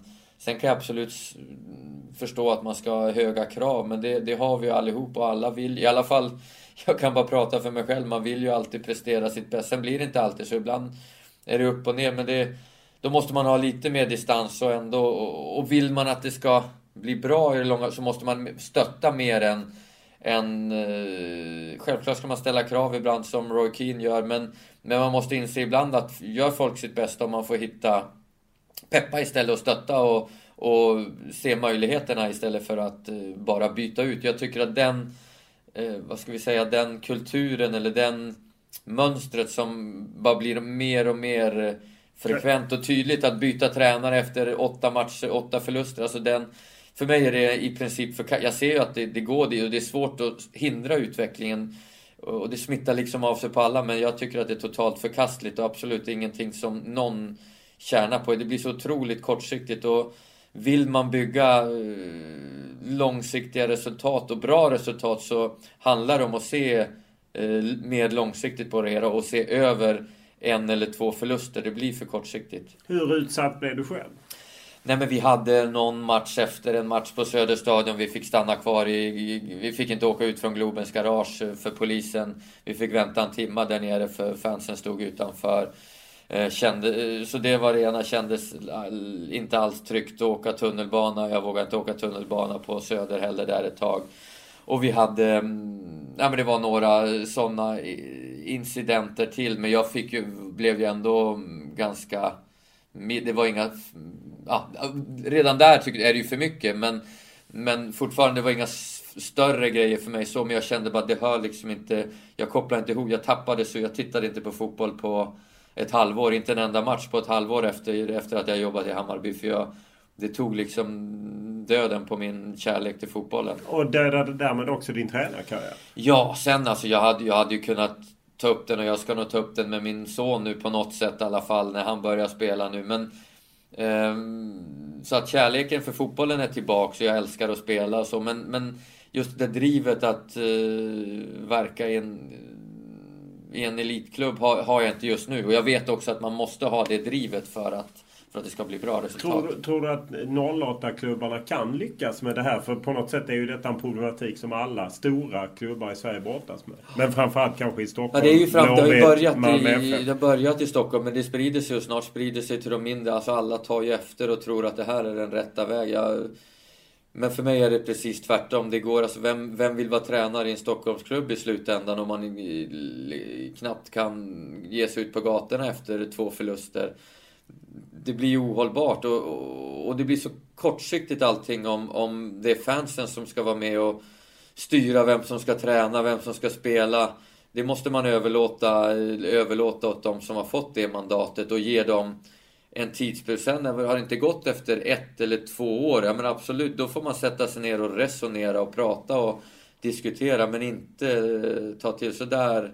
Och där tycker jag, jag vet att det är jättesvårt och det är en superkänslig fråga och man, alltså man blir ju rädd själv som spelare, tränare, sportchef, men, men där måste vi verkligen hjälpas åt, alla i fotbolls eh, eh världen eller fotbollssfären här i Sverige att markera det liksom, det är inte, det är inte okej okay, för det kommer att ta oss till en till ett ställe, vi är nästan redan där, till ett ställe där vi inte, där vi inte vill vara. Vi, det fotboll inte handlar, det blir helt fel värderingar, helt fel saker. Var det inget du kände av när du spelade i, jag menar, i Manchester United eller i Milan eller Parma eller Everton? Nej, det var inte riktigt det. Sen var i Milan vet jag att det var, en, det var ju en tuff, det var den värsta säsongen och där var det absolut lite problem och vi bytte ju. Det var ju två tränarbyten. Där kanske var att jag var lite både naiv och kunde inte italienska så jag hängde liksom inte med vad som hände lite utanför omklädningsrummet och förstod inte de här vibbarna riktigt. Det är klart, de började bränna. Det är klart att det, det var liksom, vi förlorade Juventus 3-0 eller någon, eller kanske till och med 5-0 på hemmaplan. Då då var det ju inte nådigt att sätta sig i spelarbussen och åka från San Siro. Så det är klart att det finns där också, men inte upplever ändå inte att det är riktigt på samma sätt som det har blivit här och så nära och så mycket och så hela tiden. Om man ser till, du var ju även inne på en expertkarriär. Du jobbat med mig på Fyran bland annat och många andra och du jobbade väl lite på Viasat. Men det har du helt släppt också? Ja men det har jag i princip. Jag gör något enstaka inhopp och gjort något, något för ManU TV också. Uniteds egen kanal. Men det är väl lite där också, ska man göra det så måste man göra det med själ och hjärta och verkligen gå in för det och vara påläst. Och jag har väl inte riktigt det intresset i dagsläget. Jag ska inte säga jag tycker det är kul att göra det och framförallt är det kul när man får åka ut och vara på plats och känna atmosfären och träffa alla andra och träffa spelare och, och verkligen känna, känna eh, atmosfären. Eh, då, då lever man ju upp igen, verkligen. Men eh, inte för tillfället är jag inte sugen på helhjärtad karriär. Vad gör du framöver då? Ja, nej men nu har jag eh, lite projekt på gång. Dels har jag... Tyvärr, Vad då för projekt? Ja, men tyvärr har jag inte riktigt... Jag vågar inte riktigt säga eftersom jag inte. I och med Let's Dance så blev det lite lagt på is. Men jag... Det är en, inom eh, mat och dryck. Eh, och jag kan... Nej, nej. Så kommer någonting spännande snart. Jag bara, det är det jag ska bita tag i nu verkligen. och, och och försöka få klart de sista bitarna så att vi kan eh, verkligen eh, gå ut med det. Har det varit svårt efter karriären att hitta en roll? För man, jag menar, du är ju inte ensam om att, att man har spelat även om man har tjänat bra med pengar så vill man ju kanske ändå ha något att göra. Är det, är det svårt att hitta en roll? Du har ju läst på den där Cruyff-utbildningen med Handels och liknande. Men att inte utkristallisera sig något riktigt. Nej men det är verkligen, det, det kan jag vara väldigt ärlig och säga. Det har varit otroligt eh, svårt. Jag har provat på väldigt mycket och gjort, även om det jag kan känna själv att jag inte har gjort någonting, men jag har ju provat på väldigt mycket. Tränare i fyra år på nästan heltid. Eh, kommentator, pluggat i tre eller fyra omgångar på olika kurser. Men, men väldigt svårt. Och jag, just det här att man, jag har haft fotbollen som en... Det har varit min hobby och min stora liksom, passion. Och så har jag fått jobba med det. Och då går man och letar efter det här jobbet som ska vara den eh, både stora passionen och man ska mm, tjäna pengar på det och det ska vara utvecklande och man ska träffa eh, trevliga människor. Så där, nej, det, har varit, det har varit tufft. Eh, absolut. Så att, eh, och jag letar, letar fortfarande men nu känns det som att eh, det kommer ett, ett, ett, nytt kapitel som jag verkligen vill prova i alla fall. Kan det just vara svårt när man har varit, jag menar du har ju tillhört världseliten får man ju säga i, den sporten och varit liksom på högsta nivå. Och så plötsligt ska man starta om och så vet man inte att man kan börja tvivla på sig själv. Ja, både tvivla på sig själv och, och men just de här kraven också att när jag går in i någonting så vill jag att det ska vara mm, så himla bra direkt från och det är ju ingenting, eller jag är inte bra om jag börjar med något nytt utan då får man ju eh, börja därifrån och, och, jobba, jobba sig bra och kämpa sig bra precis som jag gjorde med fotbollen. Och jag tror att jag börjat komma till insikt mer med det och att man måste våga lite. Man får släppa, jag får släppa lite på på kraven och, och förväntningarna utifrån och bara köra. Men sen är det just det där, för jag vet, hittar jag något som jag tycker är kul och brinner för, då kommer jag att göra det till 110% och då kommer det att bli bra. Jag kanske inte blir bäst i världen, men det kommer att bli riktigt bra om jag lägger ner min själ. Men det, då måste jag hitta den där passionen och den har jag inte riktigt hittat, hittat än i, i det jag har gjort. Pratar man med andra gamla spelare om det här? För jag menar, du är ju inte ensam om att hamna i den här problematiken. Eller är det lite så skamligt att man liksom har inte hittat rätt? Jag har inte blivit tränare, jag har inte blivit agent eller något annat. Nej, men jag tycker snarare att det är, det är lättare att prata med, med folk som är i samma situation och inte riktigt... Ja, men som också famlar och letar och provar och som sagt, man gör saker men man inte riktigt hittar. Det är lättare att prata med dem än att prata med någon som har jobbat eh, på bank eller eh, jag vet inte på eh, verkstaden. Då känner man sig lite mer så här, fasen jag vill också hitta något eh, som där jag liksom trivs. Om man nu alla trivs kanske inte heller med det de gör, det är väl det lite. Men, men verkligen, nej men att man, man hittar något som man, som man kan bita sig fast i och kämpa med och tycka är kul. För att eh, man kunde ju läsa i Expressen att du behöver jobba. Rubriken blev “Jag blev blåst överallt”. Ja, det var ju som du vet så är det ju rubriker. Om man läser artikeln så tyckte jag inte riktigt att det, att det stämde. Men däremot behöver jag jobba. Men det är mer för, mer, mest för att känna liksom eh, den här inre ja, självkänslan och känna att jag, jag, jag, vill ha något att göra och vill hitta... Jag har ju jobbat hela tiden. Nu har det varit mer så här projekt hela tiden, resor. Och då, men då blir det inte lika jag vill hitta lite mer rutiner och nu och lite mer eh, tydligt så vad, vad, jag, vad jag gör och, och lite större, mer passion i det jag gör. Så att, men då väntar vi inåt i mat och dryckesbranschen. Och jag gissar att vi inte kommer se dig så mycket i fotbollsbranschen då helt enkelt. Nej, som det är just nu som sagt. Runt Lidingös konstgräsplaner kan jag nog springa omkring men då är det i form av någon P, P06, P07 assistent, assistent eller någonting men inte, inte mer än så. Stort tack för att du tog dig tid. Tack så mycket.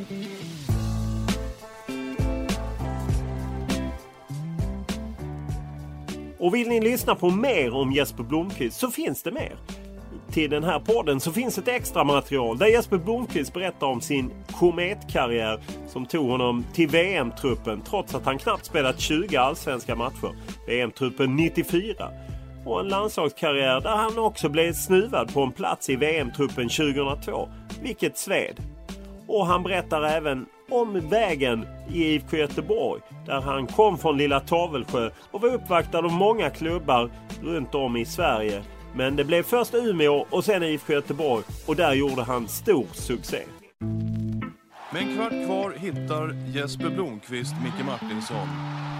Göteborg vinner med 2-1 och det blev årets guldmål för Blåvitt.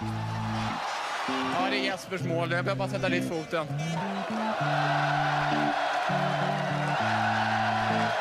Micke sa att det var ditt mål. Nej, det är tveksamt. Det är väl mitt första inlägg i år som har gått hem tror jag. Men jag sparar till den här matchen. Då. Rätt bra timing. Ja, det har varit ganska bra faktiskt. Det är lite tur var det med i bilden tycker jag. Men det får vi tacka för. Det, det är smällar man får ta sig. Ja, det tål vi nu.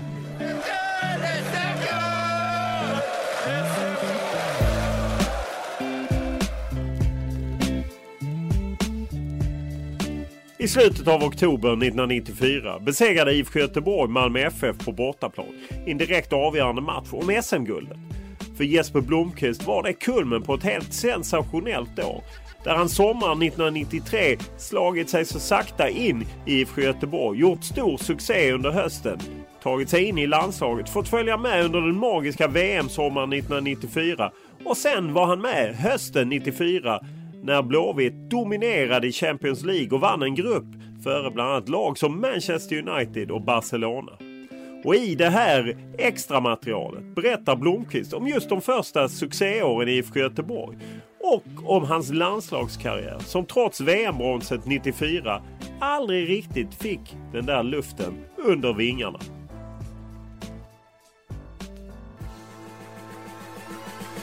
Du började din karriär i, i Tavelsjö och sen slog igenom i Umeå. Eh, och tog, hur kommer det sig att, eh, att du inte stannade i Umeå och att du gick till IFK Göteborg? Nej men det var ju så då, jag hade ju, alltså det var nästan att du ska ställa frågan hur kom det sig att du gick till Umeå istället för Göteborg på en gång? Okej, okay, du ser bra.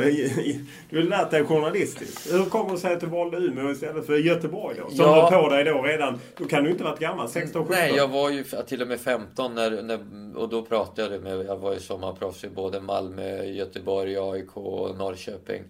Ehm, de, de, de första två åren där och provade för alla. Men Eh, men jag kände om, med stöd, eller vad jag nu ska säga, av mina föräldrar som verkligen var noggranna med att jag skulle gå klart skolan i Umeå. Och jag kände väl det själv också, att jag inte var riktigt, riktigt redo. Men, men ville, ville gå klart skolan. Och, och, och därför blev det Umeå först efter Tavelsjö.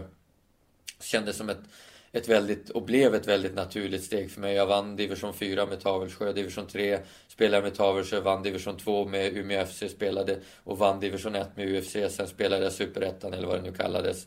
Några matcher och sen kom jag till Göteborg och ungdomslaget där. Och anledningen till att jag gick till IFK då mm, mitt under säsong, det var att skolan var klar.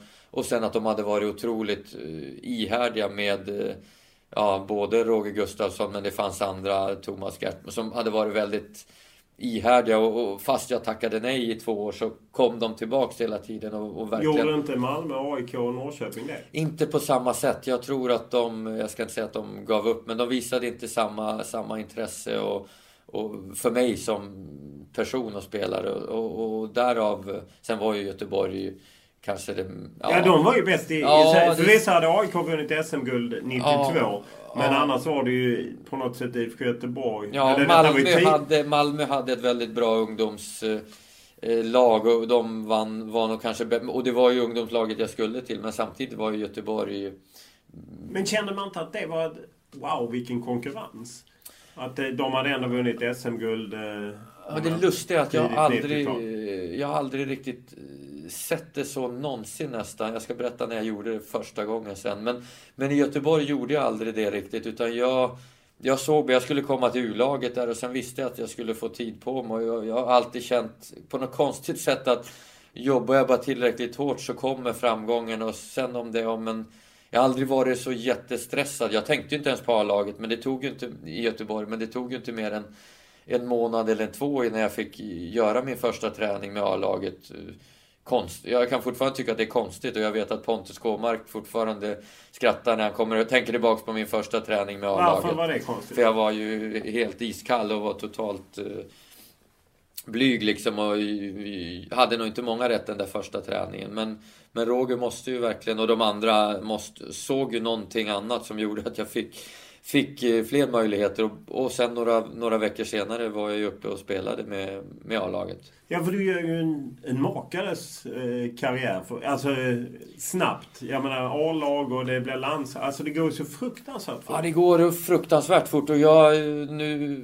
Och jag är ju, eftersom jag nu har jobbat lite som tränare också, så har det så intressant. Men vad, vad såg de? Jag vet, alltså jag var... Jag kommer inte ihåg mycket från det. Jag vet bara att jag körde, jag tvekade aldrig. Det var alltid 110 procent. Men det är väldigt kul att höra vad vad Tommy Svensson såg i och Tord Grip eller Roger Gustafsson såg som ja, i mig som gjorde att jag fick, för jag var ju, det, det, gick ju otroligt snabbt som du säger, alltså innan jag kom i landslaget hade jag gjort 14 allsvenska matcher tror jag när det var VM, dags för att ta ut VM-truppen till USA. Jag hade gjort 14 allsvenska matcher eller något sånt. Och liksom, vad, hur tänker man då som, som eh, landslagstränare? Det skulle vara intressant blev du aldrig själv lite tagen av att wow? Nej, var... du, du nådde inte där heller? Nej, det var det som, det var det som var kanske det mest fascinerande. Att jag lyckades hela tiden skärm och vara i, i nuet hela tiden. Och sen gick det så pass bra. Alltså jag, och när det inte gick bra så mitt enda recept när det går tungt det har alltid varit bara jobba ännu hårdare. In, inte gnälla på någon annan eller tycka att någon annan är bättre utan men då får jag och jag tror att det, det har verkligen eh, tagit mig hela vägen upp till toppen. Liksom. För det går inte att... Man kan... Visst, jag hade tur på vägen och fick... Men jag tror inte bara att det var tur utan det var den här inställningen att verkligen jobba så hårt som det bara går. Och går det dåligt så tränar jag ännu hårdare. Och då får jag mina chanser. Och ja, för mig har det verkligen tagit mig hela vägen upp till toppen. Vilken roll tror du spelade att du faktiskt spelade seniorfotboll som tonåring istället för att då som går från Tavelsjö till Malmö eller Göteborg mm. spela i deras ungdomslag? Eh, ja, för mig var det, tror jag det var otroligt viktigt och det gjorde att jag tog steget upp till, ja men framförallt till Göteborgs, upp till A-laget betydligt snabbare. Och eh, sen, det här är, en, är ju en ganska känslig och, och svår fråga. Jag tror att den Eh, Eh, är väldigt individuell. Men jag, jag har min, min åsikt klar. Jag tycker att det är bättre att spela, spela i ett seniorlag eh, i, i tidig ålder. För man får på något sätt en, en eh, tuffare utbildning och mer, man, man, får lära sig mer av spelarna runt omkring sig på plan. Spelar ett juniorlag, du får ju en fantastisk utbildning och jättebra träning och väldigt duktiga medspelare. Men de har inte den här du får inte spela och träna med spelare som har 15 års erfarenhet mer än dig. Som kan lära dig saker som, som en annan juniorspelare aldrig kan lära dig. Om hur man markerar eller hur man ger ett tjuvnyp eller att du måste vara otroligt mycket mer fysiskt stark. För det är klart att spelar du seniorlag så möter du mycket tuffare spelare, tyngre spelare. Och får lära dig att anpassa din spelstil även om du bara möter juniorer. Så jag tror sen, sen alltså jag håller alla, liksom, alla juniorsatsningar väldigt. De gör ett otroligt jobb. Men, men skulle jag råda någon så skulle det nog vara mer, mer seniorfotboll i tidig ålder och spela väldigt vikt, tuffa matcher också. Och vad hade ni i Göteborg då? Jag menar, Ni vinner ju SM-guld alla år eh, utom 92. Du tar väl fyra SM-guld i rad eller något sånt. Och ni går långt i Champions League. Inte minst då 94-95. När ni vinner en grupp liksom. Det låter ju som det inte är sant. Jag menar vinner över Manchester United, Barcelona och Galatasaray var väl ja. gruppen. Och åker ut mot Bayern München där ni ju egentligen har Bayern München på, ja. i kvartsfinal. Ja, precis. Och ja, vad, vad hade, ja, men dels hade vi otroligt eh, bra spelare. Ska man, tittar man på VM-truppen 94 så hade vi eh, sju, jag tror att det var sju spelare med i truppen och det är ju, kommer ju ingen allsvensk klubb i närheten av efter, efter det. Sen fick vi tillbaks många proffsspelare och vi blandade upp det med, eh, med ännu fler. Alla hade i princip landslagsmeriter på något sätt om det var pojk. Och, och det var en otroligt gedigen klubb. Roger byggde verkligen, ja men på något sätt i Ferguson-anda, upp klubben från grunden. Han hade varit ungdomstränare, tog med sig de spelarna upp. Det var de som la grunden till laget. Han hade haft dem i massor med år. De visste hur han tänkte, han visste hur de tänkte. Och sen toppade vi, toppades kryddas det med några, några bra nyförvärv hela tiden där man också var, var på tå. Och då kunde ju tack vare man hade ekonomiska medel plocka de absolut bästa spelarna från Allsvenskan. Och det blev en, en väldigt eh, bra stämning där alla återigen satte otroligt höga krav på varandra och ingen fick... Eh, där, där kunde det verkligen smälla på träning. Jag tror nog aldrig att jag har Roy Keane i all ära men men vi hade så många i... i När Ravelli kom flygande. Ravelli kom flygande. Jonas Olsson, Håkan Mild, Stefan Lindqvist. Jäklar anamma om du inte tog i på träningen där. Och där fick jag en otroligt eh, bra utbildning i hur man, hur man måste träna för att, för att nå toppen. Och Gustafsson, hur upplevde han i efterhand framstår han närmast som besatt. Eh, man har ju haft många exempel. Man skulle ha stängd mun när man duschade i utlandet för att man kunde bli sjuk och inga kryddor för att det kunde störa och så. Hur upplevde du det? Nej men alltså där och då tänkte jag inte på det och jag, jag tror ju att det är ju den här, vi pratar om lite om det du gör innan. Jag tror ju att ska man nå till den absoluta toppen så är det ju den här besattheten eh, som man måste ha. Sen måste man hitta en, en balans, men det tyckte jag verkligen att Roger gjorde. Visst, vi fick rådet någon gång att duscha med stängd mun när vi var på träning, träningsläger på Kanarieöarna. Men, eh, men skakar man inte bara på huvudet då? ja, då kan man garva lite och tycka att... Men, men någonstans sätter ju den här nivån och ribban. Liksom attention to details. Vad måste vi göra för att för att nå den absoluta toppen. Han hade ju sitt, han, han visste vad som krävdes. Vi kan inte tulla på någonting. Och det, och det gjorde han verkligen. Alltså det var ju minutiösa. Vi fick ju exakt träna på hur vi skulle stå i muren och vem som skulle stå där, var, inför varje match. Visst, man kan tycka att det var ibland skrattar vi åt det. Jag tyckte att det blev tjatigt. Men, men det var på något sätt där i de där detaljerna som vi satte nivån och byggde vårt självförtroende. Att vi, att vi kunde, vi visste att Barcelona inte var så, så noggranna.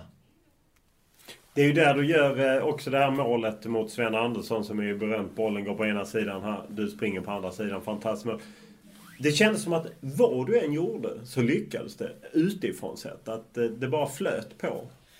Var det, är det, hur ser du på det? Nej, jag, hade, alltså jag hade ju, om jag alltså fram, jag, jag hade en, en, karriär, en karriär som i väldigt mångt och mycket gick spikrakt. Men absolut fanns det eh, säkert några små delar. Men jag hade 95 hade jag ett tufft år med mycket skador. Jag fick en baksida som krånglade väldigt mycket och spelade mer sporadiskt den säsongen och, och hittade aldrig riktigt formen. Men, men sen 96 så, så kom jag tillbaks igen och fick vara skadefri och, och, och återigen så visade hur ja, men vad viktigt det är att man får bygga upp och, och slipper, slipper de här skadorna för då, då har man mycket svårare att hitta, hitta det här självförtroendet och, och bygga upp någonting över, över en längre tid. För det, det är så man blir en riktigt bra fotbollsspelare. Det går inte bara på över en, över en, en dag eller en säsong utan det måste byggas på, på längre sikt.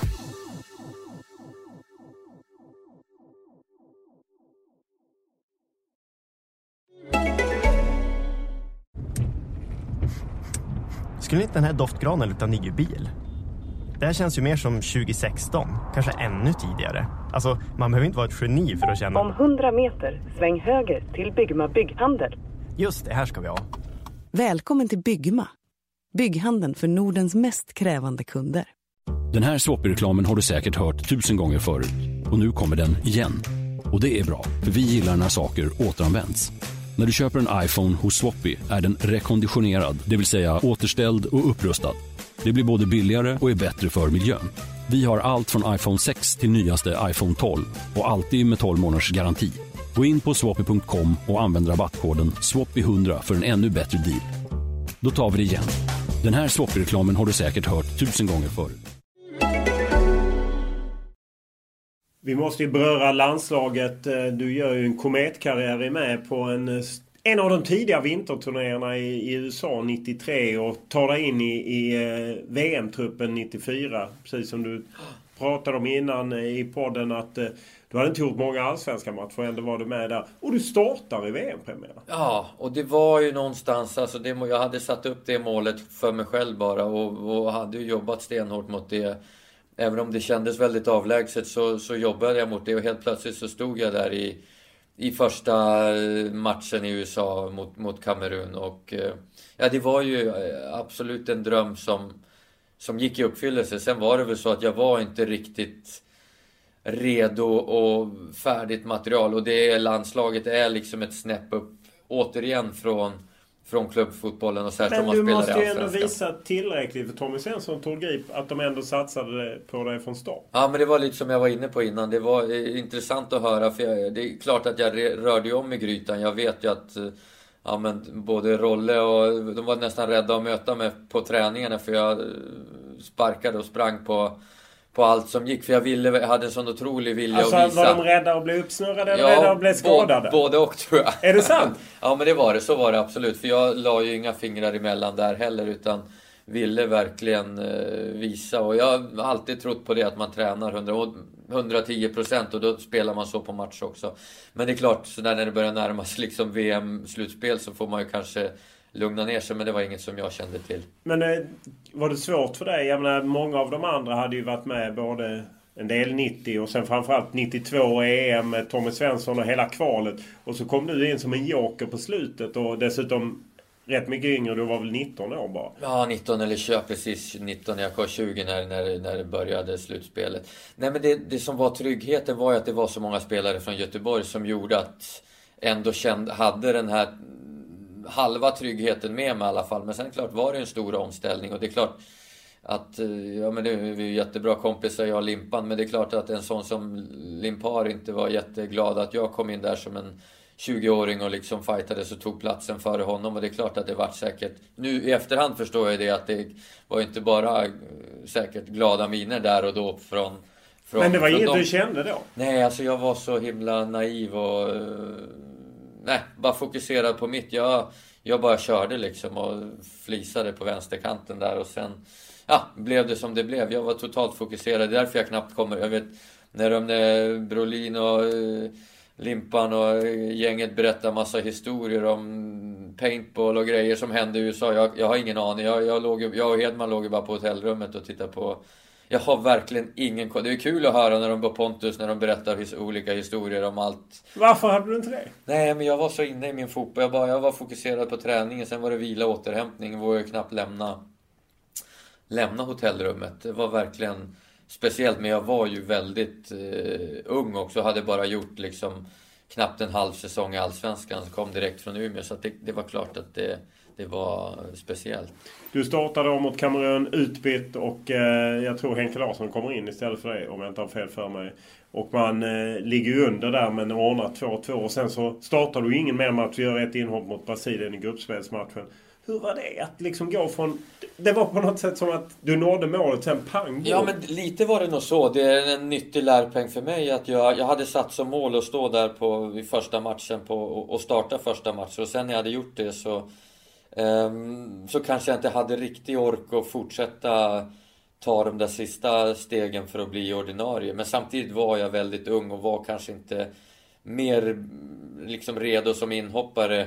Och, men jag var ju jättenöjd, det var lite säkert därför. Jag var ju jättenöjd ändå och körde ju järnet på varenda träning och hängde ju inte med huvudet en enda sekund i princip. Självklart ville jag spela och vara förbannad men jag var arg på mig själv, inte på Tommy eller på Limpar eller på Claes Ingesson eller någon annan. Utan jag var ju arg på mig själv för att jag inte presterade bättre. Så att, och tränade stenhårt. Så att, det var den, den inställningen jag, jag hade. Så jag bidrog ju på det sättet ändå. Sen, sen eh, vill man ju alltid spela i. Jag vet att mot Saudi, eh, Saudiarabien. Saudiarabien var det väldigt eh, nära. Det var lite skador och det var, tror jag var, värmde upp ordentligt. Och då kände jag att nu, då var jag på G. Men då hände det något mer. Jag kommer inte ihåg exakt. Men jag fick inte hoppa in då den matchen. Hur delaktig känner man sig i ett brons då? Nej men om jag ska vara ärlig så från början då kände jag mig inte speciellt delaktig och jag vet att liksom när vi gick ut, de skulle ut och fira, jag kände att jag inte jag var inte väl, kände mig inte värd att gå ut och fira utan det var snarare nu ska jag hem och börja träna igen och, och ladda och visa, visa liksom var skåpet ska stå och komma igen. Så det var, för mig var det mer den känslan där och då. Nu kan jag givetvis titta tillbaks, både känna mig stolt att jag ens tog mig dit, att jag var med, att vi stöttade och det, det går inte att åka till USA och ett VM-slutspel med 11 spelare utan du måste ju ha 22 och alla är ju delaktiga. Givetvis inte lika mycket. Men nu känner jag ju mig betydligt mer stolt än jag gjorde då. För jag kommer ihåg när jag kom hem var det mer den här äh, känslan av besvikelse, Att jag inte hade bidragit med mer och att jag inte hade kunnat... Ja, var du inte med och firade heller när ni kom hem? Jo, alltså jag var ju med men inte... Dels var jag väl ingen riktig festprisse så, men jag kände mig inte riktigt... Jag ville komma igång med träningen och och det var det, bara för att knyta an till Göteborg lite grann och Champions League 94 sen efter, efter VM. Jag tror det var därför vi var ju den sitsen ganska många av oss göteborgare. Det var Ravelli, K-mark spelade några matcher. Vem var det? Sen var det Micke Nilsson, Magnus ja, Erling, Stefan Rehn spelade ju nästan ingenting Nej, alls. Alla vi var, så vi var ju otroligt laddade och sugna. Så sen när vi drog igång igen och Champions League-kvalet startade så hade vi, vi hade ju lärt oss väldigt mycket, fått bra träning. Men var ju framförallt otroligt sugna på att visa att vi vi också kunde spela fotboll. Och därför tror jag att den eh, hösten i Champions League blev så otroligt eh, framgångsrik för, för IFK Göteborg. De som inte minns eller inte kopplar ihop det så var det den gången ni vann gruppen ni före United, ja. Barcelona och Galatasaray. Ja, och tog oss till kvartsfinal sen mot Bayern München och egentligen nog borde ha vunnit den kvartsfinalen också. Sen efter eh, VM 94 så på något sätt tänker man att ja, men nu kommer du bli en stöttspelare i landslaget. Jag vet någon eh, kvalmatch mot Schweiz. Du gör, det är väl ditt enda mål för, enda mål för landslaget. 30 landskamper, ett, ett mål. Ett självmål ett för Schweiz. Ja, det svider. Nej, men det var... Det, det vart ju lite tufft överhuvudtaget för, för landslaget. Där. Det vart en liten eh, baksmälla om man säger så rent... Eh, Borde man byta ut Tommy Svensson? Nej, det tror jag inte. Alltså det är alltid lätt att... Nej, det tror jag. Alltså Tommy är fantastisk... Eh, Ledare. Men ni hade ju ett jättebra ja. landslag och gick inte vare sig till EM 96, VM 98. Nej, men det, det är den där svåra balansen och när man har haft en stor framgång. Det är verkligen då det, då man skiljer agnarna från vetet. Är man en riktig... Och det, det är väldigt svårt. Då blir det en större tryck och folk ja, börjar kanske tro att de är bättre. Eller man glömmer bort var man kommer ifrån. Vad, vad, vad som gjorde att man blev bra från början. Och för oss var det det här en för alla, alla för en och stenhårda arbete. Visst, vi hade individuellt duktiga spelare, men alla jobbade för varann. Sen fick vi lite skador, Brolin gick ju sönder och det är klart att sånt uh, spelar roll också. Men uh, Dahlin och de andra blev stora stjärnor helt enkelt. Nej men det blev inte riktigt samma och det byttes lite klubbar och folk eh, hamnade lite snett i... Nu kommer jag inte ihåg, men jag vet att det var så också. Folk bytte klubbar och hamnade snett och fick lite skador och tappade lite för om vi ska vara ärliga så var det ju så 94 att eh, VM att alla prickade verkligen formen och det blev någon extrem, och vi fick en extremt härlig känsla i gruppen. Vi hade en perfekt blandning mellan allsvenska spelare som var, kunde vara med och stötta utan att kräva för mycket tid och plats. Plus de här stora proffsen som verkligen, kanske inte hade varit så framträdande som Kenneth till exempel, men verkligen där prickade, prickade sin absoluta toppform. Sen om man tittar på din landslagskarriär så spolar man på något sätt fram för det blev inte så mycket. Och sen så gör du comeback våren 2002. Du får en chans att faktiskt spela dig in i, i VM-truppen eh, till eh, Japan-Sydkorea. Du är med i en match tror ja. Ja precis, jag hade ju då just kommit tillbaka från skadorna men haft en bra vår i, i Everton och kände ändå att jag var på på G och fick göra en landskamp och gjorde det nog faktiskt eh, bra den. Jag vet jag spelade fram till Albeck som gjorde mål tror jag det var. Så att, ja, men jag kände väl att det var rätt på G ändå men, eh, men eh, det räckte inte riktigt hela vägen. Nej, du kom inte med i truppen. Kommer du ihåg vad som hände sen? Eh, tänkte du... Du ringde upp mig och var väldigt arg på Tommy och Lasse. Det blev ett uppslag i Expressen. Var det det? Ja, ja, men jag kommer nu ihåg. Jo, men jag hade nog liksom... Jag var rätt... Jo, så var det, men det var... Jo, som en sån där reaktion eh, direkt också. Men, men jag, hade, jag var väl lite besviken på, på den. Jag hade varit rätt noga. Jag kommer bara att spela om jag liksom har en realistisk chans. Och då tyckte jag att jag gjorde en bra match och spelade fram till målet. Och sen blev det ingenting. Men det är som vanligt, man reagerar lite och man ser mer. Men jag förstår hur man väljer det. Man har sina tankar som tränare. När man har varit tränare så får man lite bättre insikt och förståelse hur, hur man kan resonera. Men som fotbollsspelare måste man ju vara. Snackar du någonsin med Söderberg Lagerbäck efter det? Jo, men det har jag, det har jag gjort. Ja, absolut, vi försökte reda ut det där. Men jag fick aldrig några riktigt klara svar. Men vi, vi har bra... Vi har bra Lagerbäck har jag inte sett, sett så mycket i och för sig men vi har bra... Det, det, jag, jag har insett att det här med tränare, det är inte helt lätt.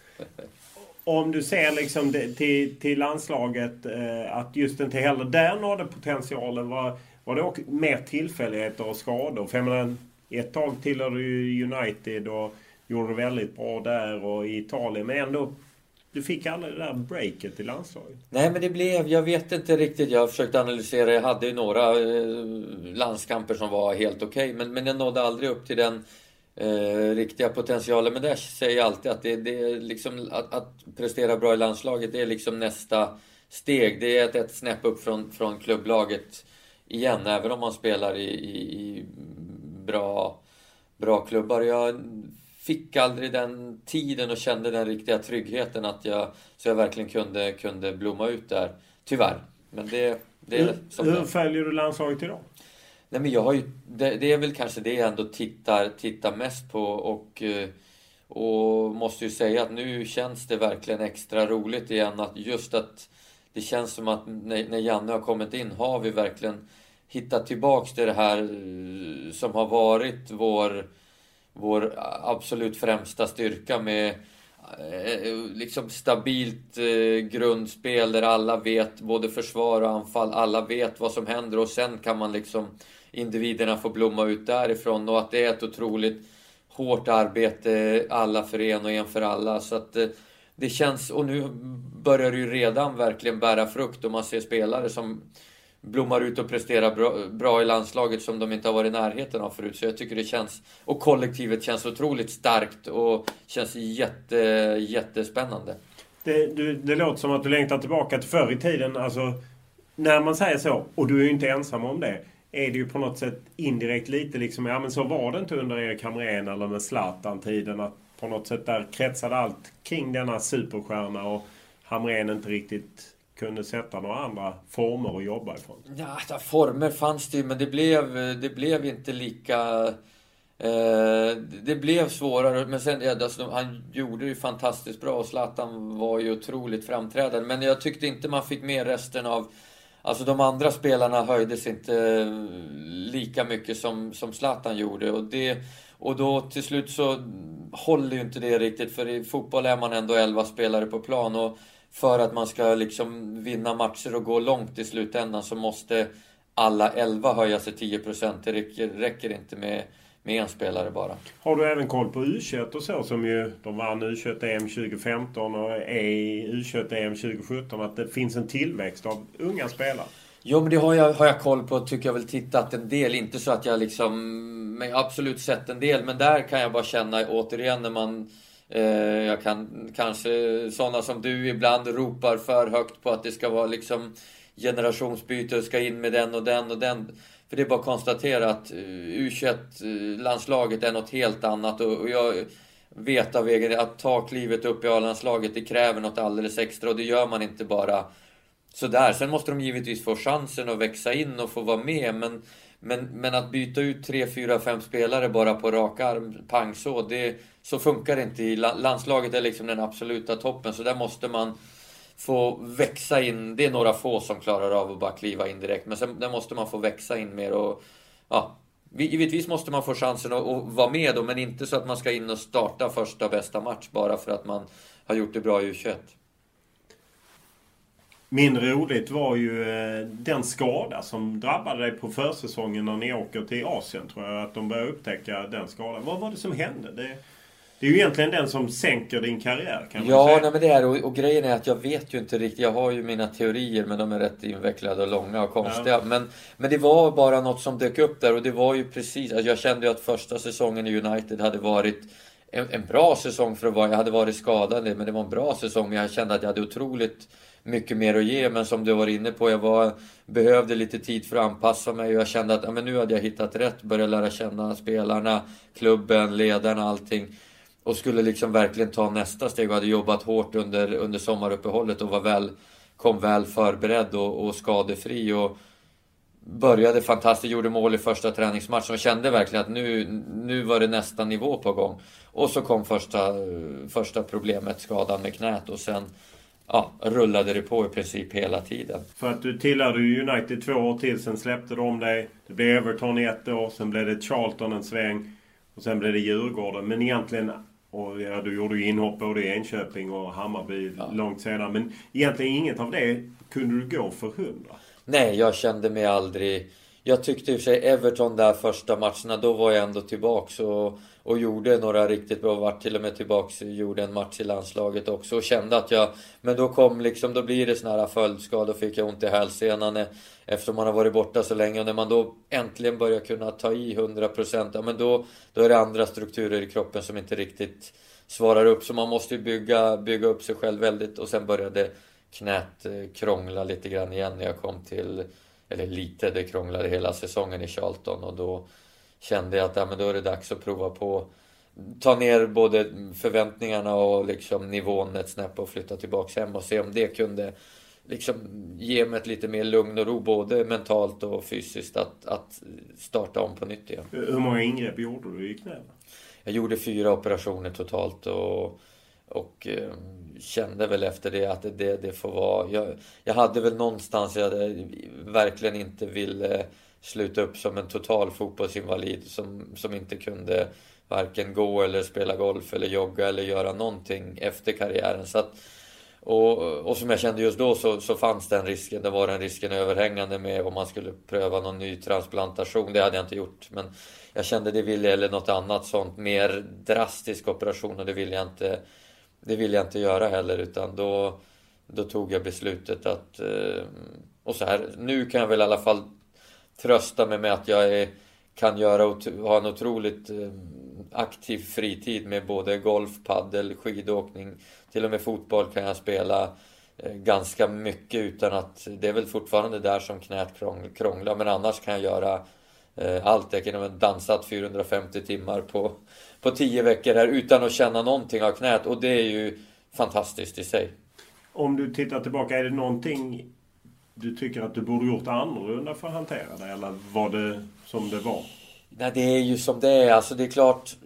Och jag tyckte det jag skulle kanske önskat av mig själv att jag kunde ta lite mer distans och känna. Jag var ju ändå bara, mm, säg mellan 24 och 28 och känna lite mer distans kanske.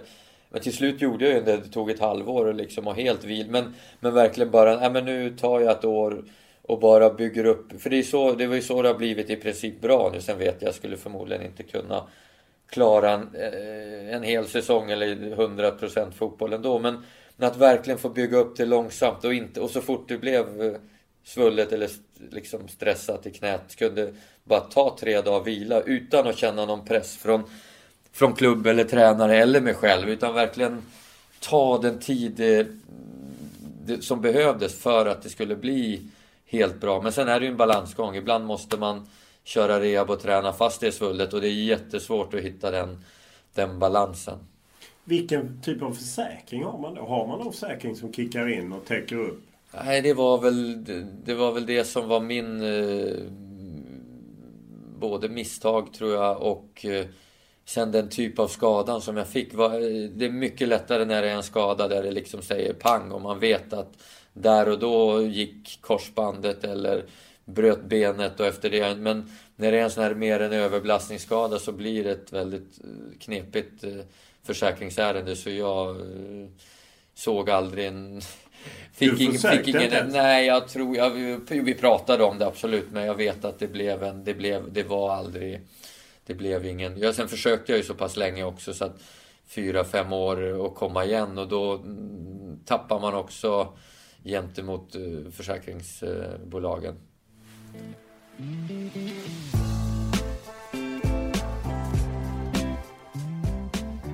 Det du just hört är alltså ett bonusmaterial till ett längre poddavsnitt med Jesper Blomqvist. Där vi har mer fokus på hans utlandskarriär i storklubbar som Manchester United, Milan och Parma och vad han gjort efter han slutat spela fotboll. Även det är väl värt en lyssning och det ligger ju här i närheten av det här extra materialet. Eller så hittar man det på Fotbollskanalen. Och som vanligt är det Olle Junell Lindberg som producerat det här.